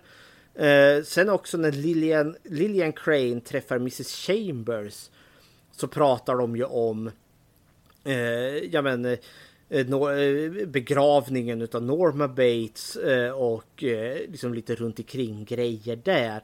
Det kan man kanske hävda liksom ändå så att de pratar ju ändå så om eh, Ja, Bates. de pratar ju om Marion Bates också. Eller Marion, Ja. Bates, eller Marion Crane också. Ja, det gör de också. Men visserligen finns Norman också med i, i den diskussionen, men även som...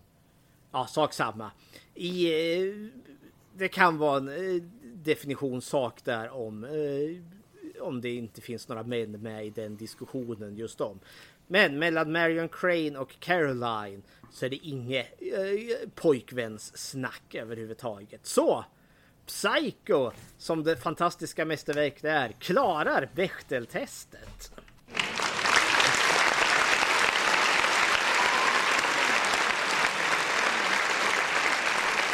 Men om du som lyssnare då vill eh, om Psycho med oss eller kanske har en annan film som är ännu mer psykiskt eh, sjuk. Gärna från före 60-talet så vi kan eh, gotta oss i dåtidens eh, syn på psykisk ohälsa. Då kan du göra så här för att kontakta oss.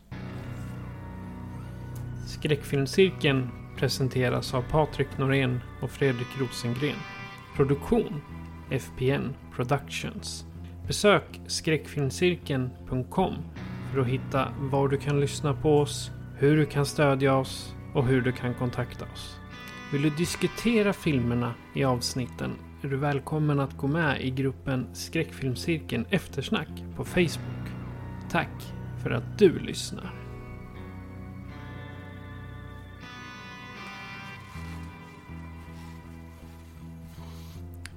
Och Fredrik, vad bjuder vi på nästa gång? Nu ska vi ju göra klart den här franchisen. Vi ska se de tre nästkommande uppföljarna och sen avslutar vi med den högst tvivelsamma remaken där. Men nästa film då blir då Psycho 2 som är så tillräckligt bra att den får ett standalone avsnitt. Jag tänker här, uh, Ulf, stort tack för att du ville vara med och prata Psycho. Alltid. Det är alltid lika trevligt att vara med och eh, prata psykfall med er. Eh, och om ni vill höra mer eh, psykfall så kan ni lyssna på mig och de andra psykfallen i Film till fikat. Ja, En förträfflig liten podd kan jag avslöja. Jag kanske är dum, men inte Som Matti sa. Precis. Du kommer ju inte vara med oss i uppföljarna här, men jag tänker, har du sett uppföljarna? Och i sådana fall, vad tycker Ja. du om dem lite snabbt? Eh, tvåan tycker jag precis som du, den är mycket bättre än vad den förtjänar att vara. Det är en mycket, mycket bra film. Eh, trean, jag tycker om trean. Jag tycker den är charmig. Eh, men den är inte en bra film som så. Fyran, eh, tv-filmen, ska vi helst glömma. Och remaken eh, blev väldigt utföljd när den kom. Den är totalt onödig. Men alltså jag tycker inte den är dålig för att den har kopierat Psycho scen för scen. Och så att det är liksom... Ja, hepp. ja. Då så. Men vi har inte så mycket mer att säga då än att eh, jag heter Patrik. Jag heter Fredrik. Och jag är Psyko-Ulf. Ni har lyssnat på Skräckfilmscirkeln. Adjö på er.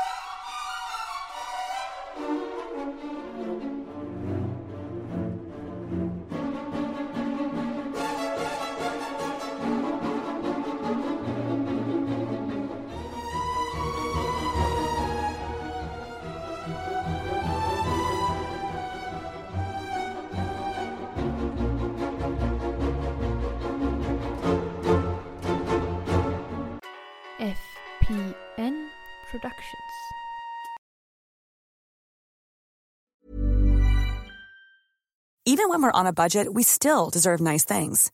Quince is a place to scoop up stunning high-end goods for 50 to 80% less than similar brands.